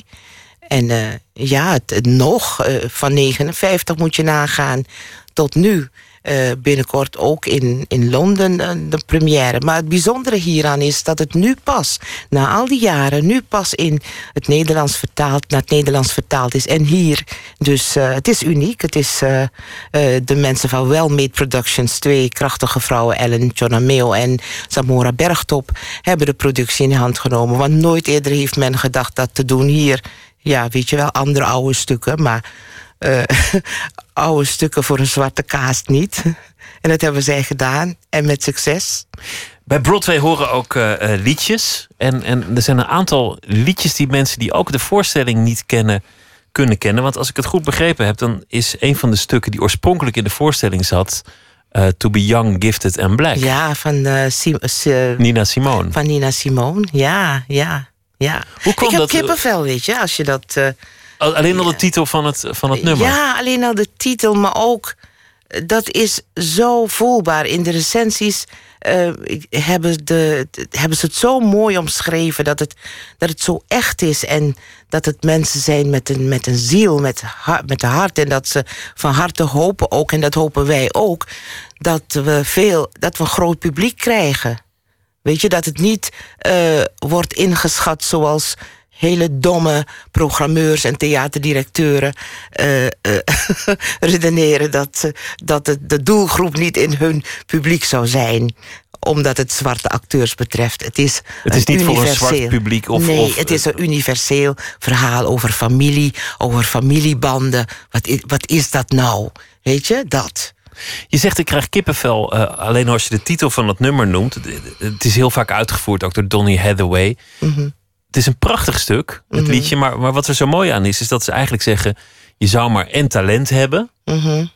en tegelijk zwart zijn. Wat in die tijd in, in de Verenigde Staten gewoon een, een ramp betekende. Want een recept voor frustratie. Ja, Heel veel ja, dingen waren ja. niet voor je weggelegd. Daarom. Hoe kwam Nina Simone eigenlijk bij Broadway terecht? Ook, ook een Dat- ongebruikelijke dat- dat combinatie. weet- dat, dat weet ik niet. Ik, eh, dan zou je Samora hier moeten hebben, een van mijn collega's die Rut speelt. Die heeft zich al twee jaar lang ingegraven in die materie. Dat heb ik dus niet gedaan. Wat mij vooral treft in het familieverhaal, heel persoonlijk, is de rol van de moeder, wat die ik ook speel, maar vooral de moeder-zoon-relatie. Eh, Weet je, van hoe gaan moeders en krachtige moeders om met hun zonen? Geven ze genoeg ruimte aan die zonen om hun verantwoordelijkheid te nemen? Ehm, Lina heeft een, een, een, een sterke monoloog wanneer eh, ze haar dochter eh, vraagt of ze eh, nog van haar broer houdt, omdat hij het geld verspild heeft, dan, dan gaat, gaat mijn hart uit, niet alleen naar Walter, maar naar al die, al die mannen die het behoorlijk pittig hebben in deze samenleving. Ik zeg ook op heel veel stukken is dit, lied, is dit stuk zo actueel. Weet je? En het Hoe gaat over veel meer dan alleen eh, racisme of, of, of, of kleur, dat soort dingen. Het gaat ook over, eh, nou ja, eigenlijk over elke moeder en elke zoon. Zoals je het nu vertelt. Absoluut, absoluut. Want ik, ik, kon, ik kon heel goed in mijn, in mijn eigen relatie duiken. Eh, mijn relatie met mijn zoon. Heel liefdevol. Maar hoeveel ruimte geef ik? Verstik ik? Eh, eh, wil ik te veel uit handen nemen? Ehm, geef ik genoeg verantwoordelijkheid. Dat is de ik- natuurlijke neiging van een moeder om, om alles bij zich te houden. Ja, maar ook, maar ook in mijn geval, ik, ik, dat is dan heel persoonlijk. Ik heb een, een tweeling, een, een zoon en een dochter. Nicole, jullie collega, en, en, eh, en mijn zoon. Dus ik had, ik had twee van het verschillend geslacht tegelijk. En ik, ik was zo vooruitstrevend met mijn hoofd.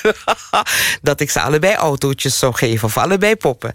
Maar forget it. Nee hoor. In praktijk werkt het In de anders. praktijk werkt het anders. Nicole Ja. Terborg, onze vaste verslaggever. Trouwe luisteraars, die, die hebben haar zeer vaak gehoord. Zullen we beginnen met ehm, de kaarten? Want hier Ja. is een grote bak en ik Ja. wil je vragen er een te Ik trekken. ben benieuwd. En ik moet lezen. eerlijk antwoord geven. Ja, bij voorkeur wel. Of, of zo goed liegen dat ik het niet door heb. Oké. Dus ik mag een kaart trekken? Ga je gang. Ik hou van kaarten trekken. doe ik vaak hoor. Maar niet zulke kaarten. Oh, zo. Oké. Nou.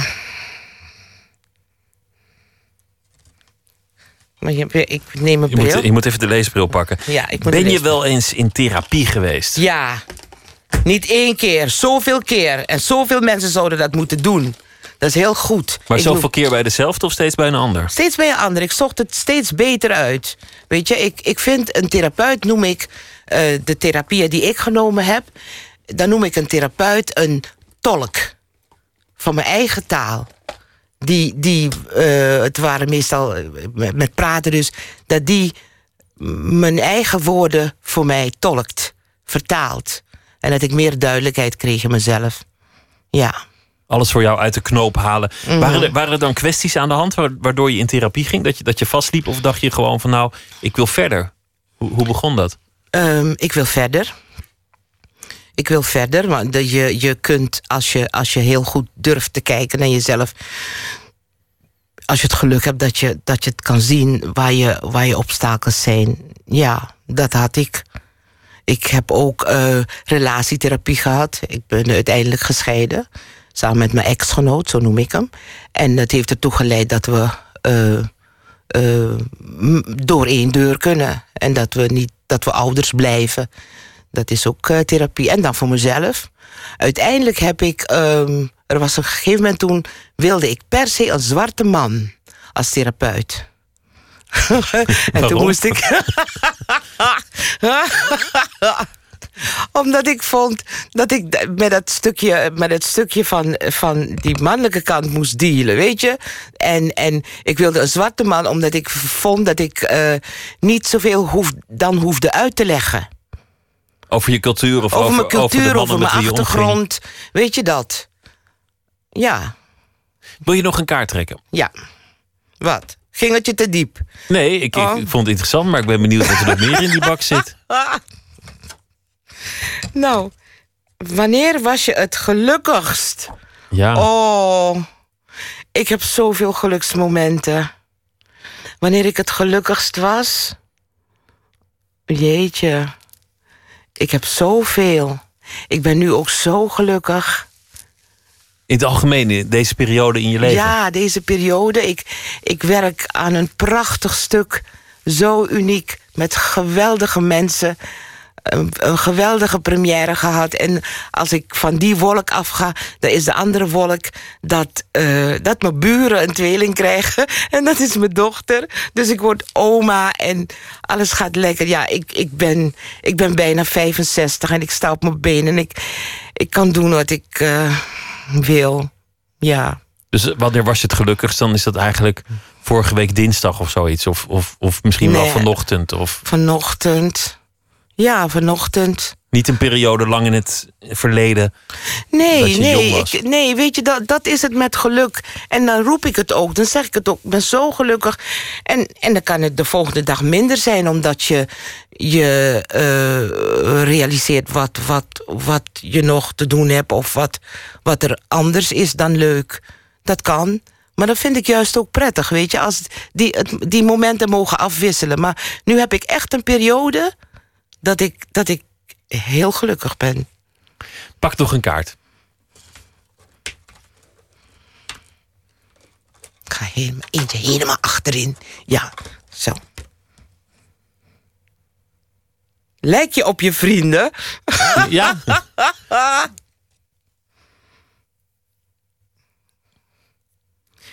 ja. In welke zin? ehm ehm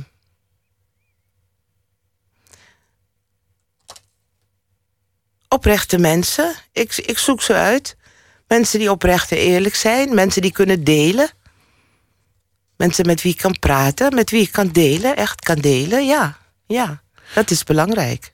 Komen, komen je vrienden uit dezelfde groep? Omdat je net zei, ik wil, ik wil een zwarte therapeut.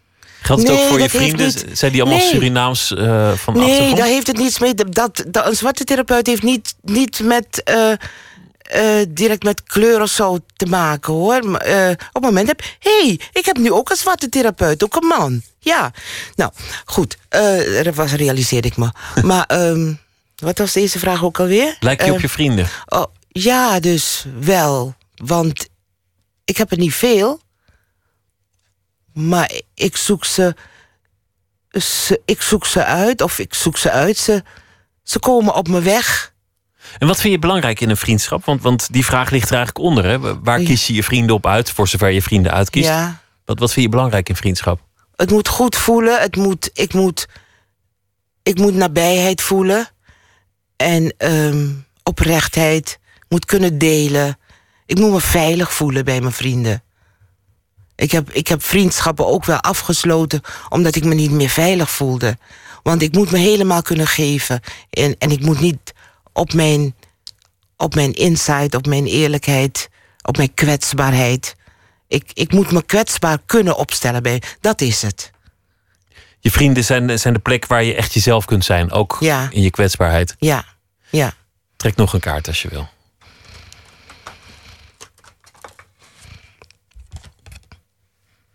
Kun je liegen? Ja, je vrienden moeten oprecht zijn, maar kun je liegen? Ik kan wel liegen. Zeker wel. Doe je het vaak? Nee, want dan komen ze te. Kijk, ik. ik eh, soms kan je liegen om best wil, weet je? Ja, er zijn situaties, dan moet je liegen. Moet je Dat is evident. Dat moet je liegen, maar er zijn mensen bij wie je niet kan liegen. Dan hou je liever je mond. Weet je, zoiets. Ik, ik kan bij mijn kinderen niet echt liegen. Je hebt ook mensen die zodra ze liegen gaan blozen of, of een zenuwtik nou, krijgen. als ik ga blozen ga je toch niet zien. Ik word diep paars. Dus daar heb ik geen last van. Maar ehm, mijn kinderen merken het wel als ik lieg. Als ik, als ik iets achterhoud. Eh, dat is het meestal wel. Dat je eh, denkt, dit kan ik beter niet zeggen. Weet je? Of, of dat ik eh, boos ben of zoiets. En dat niet communiceer. Dan, eh, dan horen ze het aan mijn stem al. Wat is er, Jet, wat is er? Dat is ook Weet een je? vorm van liegen al. Je emoties Ja. achterhouden. Ja, vind ik wel. Want dat, dat doen we zo min mogelijk. Weet je, we klieren noemen we dat. Je merkt aan elkaar van eh, er is iets, er zit iets dwars en dan ga je communiceren. Dus daarom moest ik zo lachen als ik zeg: kan je liegen?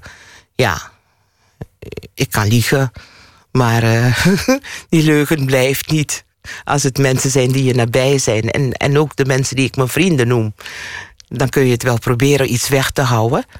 Maar ehm, dat, dat wordt toch snel geroken. Ze kennen je te goed. Doe nog één kaart als je wil. Ehm.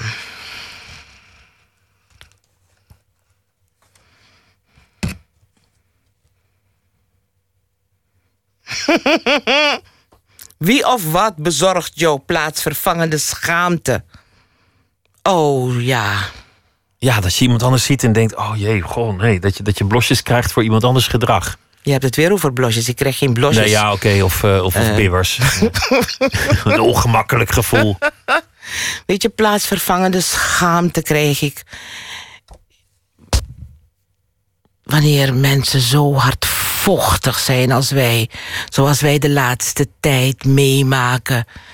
Weet je, als mensen zulke onmenselijke uitspraken doen.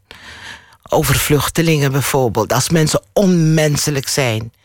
Dat, dan krijg ik plaatsvervangende schaamte. Zoals mensen die, die, die op internet dingen schrijven als... eh, Echt, dan denk ik, hoe kan stuur de dat haaien nou? of... of eh, ja, hoe kan, hoe kan een mens zo praten, zo zijn, zo denken? Dat, dat zijn de momenten, echt. Dan, dan is het niet eens plaatsvervangen. Ja, het is plaatsvervangende schaamte, maar dan denk ik, wat, wat kan ik doen? Wat kun jij doen om, om het goed te maken voor die ander? Uh, wat kan ik doen in die zin van... ik vind het afschuwelijk hoe er wordt gedacht, hoe er wordt gehandeld. Maar wat doe ik anders dan alleen maar me schamen voor die ander... en kritiek hebben daarop? Wat kan ik doen? Het is mooi dat je het dan toch meteen terug naar jezelf haalt. Dat je niet blijft hangen in verontwaardiging... maar dat je meteen kijkt van wat kan ik doen? Ja. Wie ben ik en, en, en hoe sta ik daarin? Ja. Jetty Maturet, dank je wel dat je langs wilde komen. En heel veel succes met eh, de voorstelling A Race in, in the Sun. Vanaf uh, binnenkort te zien in uh, vele theaters. Dank in je wel. vele theaters, dank je wel. Graag gedaan. Mavis Staples is al 76 jaar oud en ze heeft uh, misschien naar voorbeeld van Johnny Cash een aantal popmuzikanten van dit moment gevraagd liedjes voor haar te schrijven voor het nieuwe album. Nick Cave heeft meegedaan, Bon Iver en M. Ward. En de plaat gaat uh, heten Living on a High Note. Hier is een nummer geschreven door Valerie June met de titel High Note. Hier is Mavis Staples. There are all those things you weren't supposed to do. Yes, and my, my, my, my, my, they were talking to you. There were all of those words that you shouldn't have said. Like a dagger thrown, carry weight of lead. Living on a high note, living on a high note living on a high, note. Listen now that it's known and the way it's been shown. Yes, and my, my, my, you have grown. Gather all of the rain and every ounce of pain. Wash the dirt and dust down the drain. It's living on a high note, living on a high note, living on a high, oh, high note. It's living on a high note, living on a high note, living on a high, high, high note. And if you gotta sing low, sometimes the way to go. Joe, Joe, he looked over at Dave. Looked over at Dave. He was thinking he had. He was thinking. He was thinking he had it made. Dave, Dave looked over at Paul. Looked on over at Paul. He was thinking he had. He was thinking, oh, he had it all. Paul, Paul he looked over at Steve. Looked over at Steve. Who was steadily moving, Mm-hmm.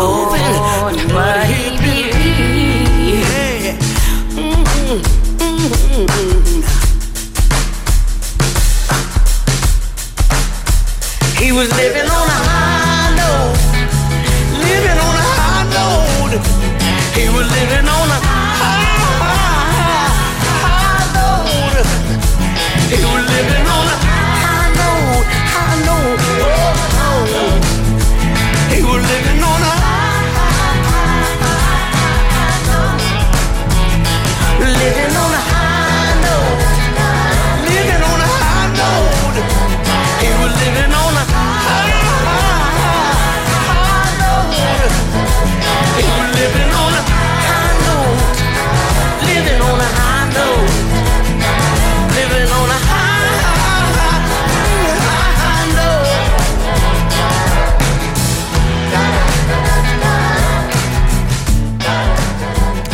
Mavis Staples met een nummer geschreven door Valerie June. Dat was High Note. Nooit meer slapen. In 2014 werden een aantal nooit eerder gepubliceerde verhalen van de Amerikaanse schrijver Truman Capote ontdekt. Aanstaande vrijdag verschijnt de Nederlandse vertaling van die verhalen. En Nicolaou is nachtcorrespondent. Emmy, vertel. Voor wie het even niet paraat heeft. Truman Capote, waarom is het zo'n grote gebeurtenis als daar nieuwe verhalen van opduiken? Ja, hij is natuurlijk bekend van onder andere Breakfast at Tiffany's, maar vooral van In Cold Blood. En dat is een boek uit 1966, tenminste toen is het gepubliceerd. En dat vertelt het waar gebeurde verhaal van twee eigenlijk hele simpele jongens die een heel gezin uitmoorden. En Capote schreef daar een heel dik boek over. En we zouden dat nu true crime noemen. Je hebt nu die serie uh, Making a Murderer dat zo één zo'n moordverhaal helemaal uitgediept wordt. En hij was daar eigenlijk de eerste uh, in. Dat werd toen Faction gedoopt. En het werd een heel invloedrijk boek. Het zette eigenlijk een heel nieuw genre op de kaart, zou je kunnen zeggen. Het was ook het begin van de new journalism. Ja. En mensen als Tom Wolfe, die hebben altijd gezegd dat ze daardoor uh, gevormd zijn door dat boek. Het is een ontzettend spannend boek ook. Ja, ik, ik sprak Peter, uh, schrijver Peter Buwalde er even over en die zei dit. Ik las in Cold Blood en ik had het idee dat ik een steengoede roman aan het lezen was. Maar tegelijkertijd wist ik ook in mijn achterhoofd dat het gebaseerd was op, uh, op interviews en op waarheid. En dat het dus een journalistiek boek was dat ik las. En, en dat dat onderscheid volstrekt wegvalt. Dat is wonderlijk. Is Capote al een tijdje dood. En nu komt ineens uh, deze bundel met nooit eerder uitgebrachte verhalen. Verhalen uit zijn jonge jaren. Vertel even eerst het verhaal. Hoe kan het dat ze nu gevonden zijn? Ja, dat is eigenlijk best wel raar. Je zou denken, zo'n beroemde schrijver. Iedereen duikt daarin. Wat, Als het wat... relevant is, dan, dan, dan zal het wel ergens zijn opgedoken, ja. Ja, precies. En dat, dat was dus blijkbaar niet zo. Want in de New York Public Library... De, New York Openbare Bibliotheek... daar stonden dus 39 dozen met archief. En die waren op zich wel bekend. Maar dat waren dozen ja, die nauwelijks gesorteerd waren met allemaal schetsboekjes en handgeschreven notities. En in een van die dozen heeft bij toeval een Zwitserse schrijver die verhalen gevonden. Die man die heet Peter Haag.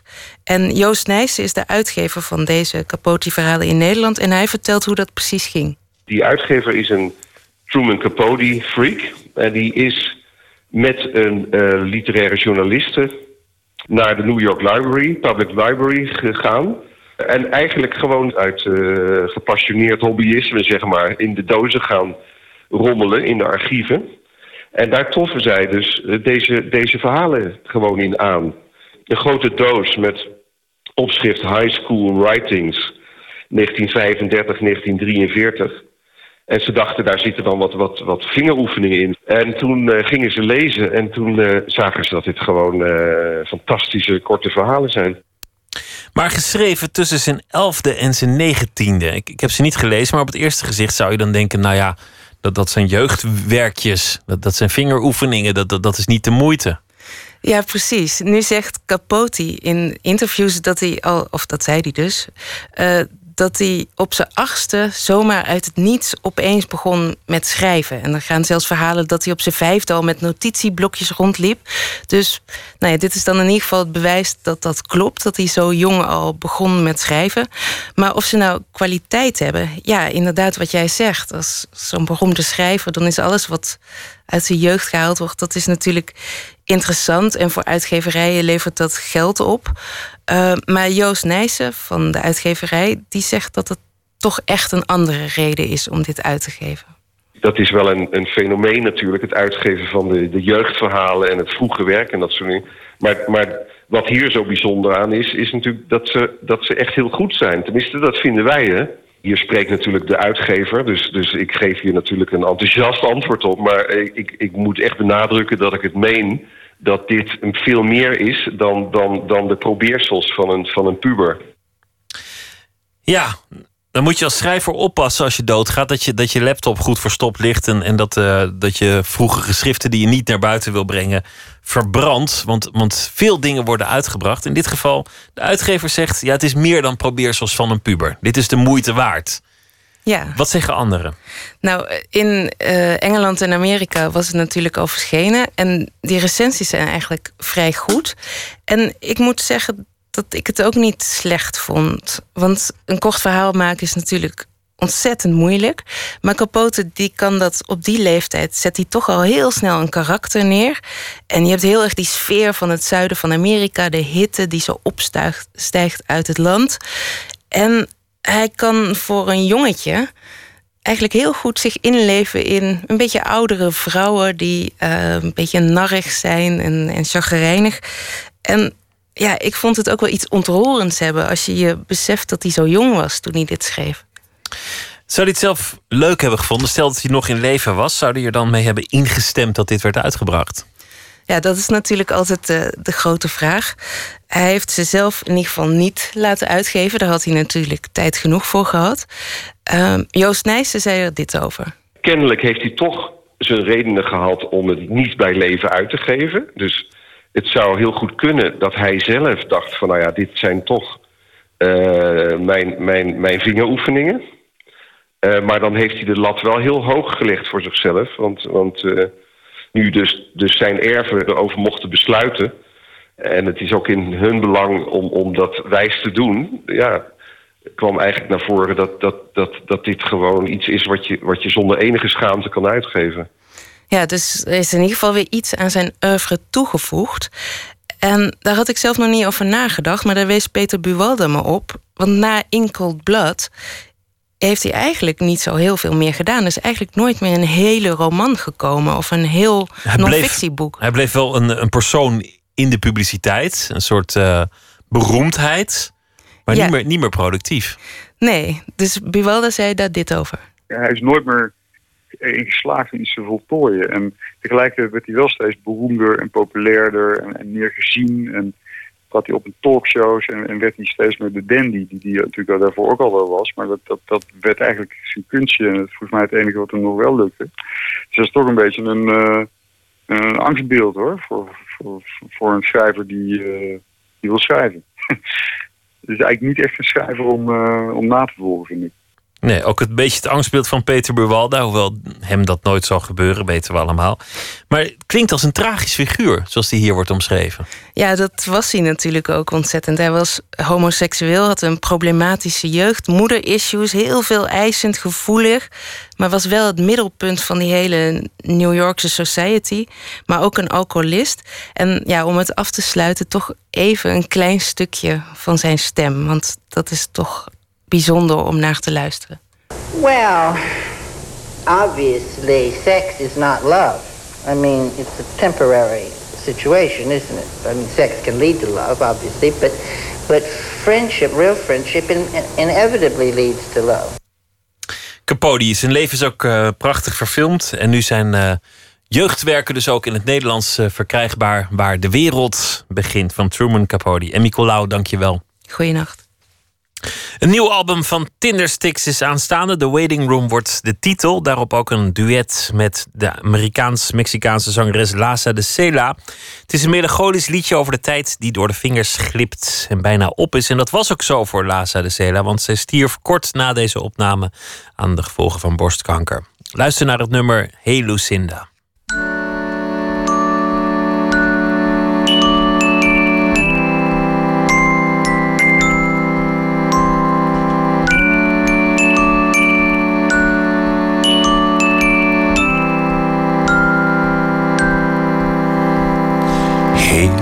Lucinda, you come out drinking with me tonight. The summer's almost gone. Hey, Lucinda, time's running out. Hey, Lucinda, our time running out.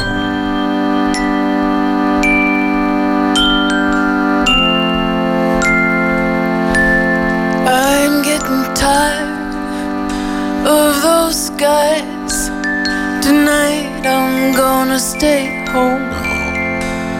I'm tired of hanging out. Maybe I'll just stay home tonight. When will you learn, Lucinda?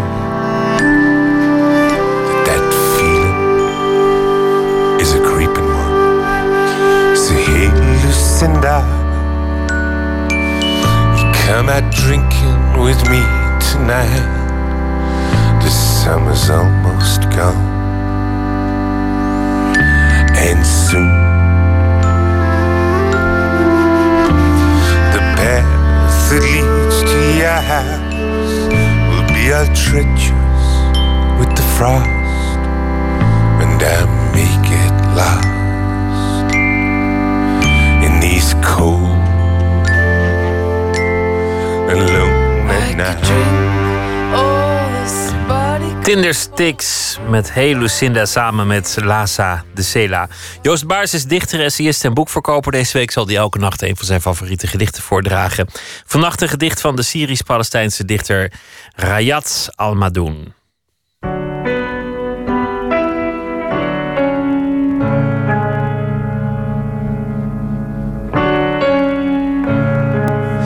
Rayat Almadhoun is een, eh, halve Palestijn, halve Syriër. Eh, geboren in vluchtelingenkamp in, in Syrië. Gevlucht ook weer uit Syrië naar Zweden. Ik ontmoette hem in 2012 bij het Read My World Festival. En een jaar later kwam er een, een schitterende bundel uit... met Nederlandse vertalingen van Duke Poppinga. Ik lees daar niet een gedicht uit, want die zijn allemaal vrij lang... en deze is wat korter. Ook vertaald door Duke Poppinga, hij heet Wij... Eh, wat ik er zo mooi aan vind, is het is een kei en keihard gedicht. Er zit ook een heel duidelijk verwijt in. Maar, en dat is wat hem eh, zo'n ontzettend grote dichter maakt. Ik denk een van de grote dichters van deze tijd. Er zit ook een soort van compassie in met degene die hij aanklaagt. En die compassie gaat heel ver bij hem. Eh, er zit een soort zachtaardigheid in deze hardheid die, ja, die geweldig is. Ehm, en die hem tot een van de grote dichters van deze tijd maakt, wat mij betreft. Wij. Wij die zijn rondgestrooid als granaatscherven. Van wie het vlees door de lucht vliegt als regendruppels. Wij bieden onze oprechte verontschuldiging aan. Aan iedereen in deze beschaafde wereld. Mannen en vrouwen en kinderen. Omdat we onopzettelijk in hun veilige huizen zijn verschenen. Zonder toestemming te vragen. We bieden onze excuses aan omdat we onze afgerukte lichaamsdelen in hun sneeuwwitte geheugen hebben geprent. Omdat we het beeld van de normale, complete mens in hun ogen hebben geschonden. Omdat we zo schaamteloos waren om plotseling op te duiken in het journaal, op de internetpagina's en in de kranten. Naakt. Met alleen ons bloed en onze verkoolde resten.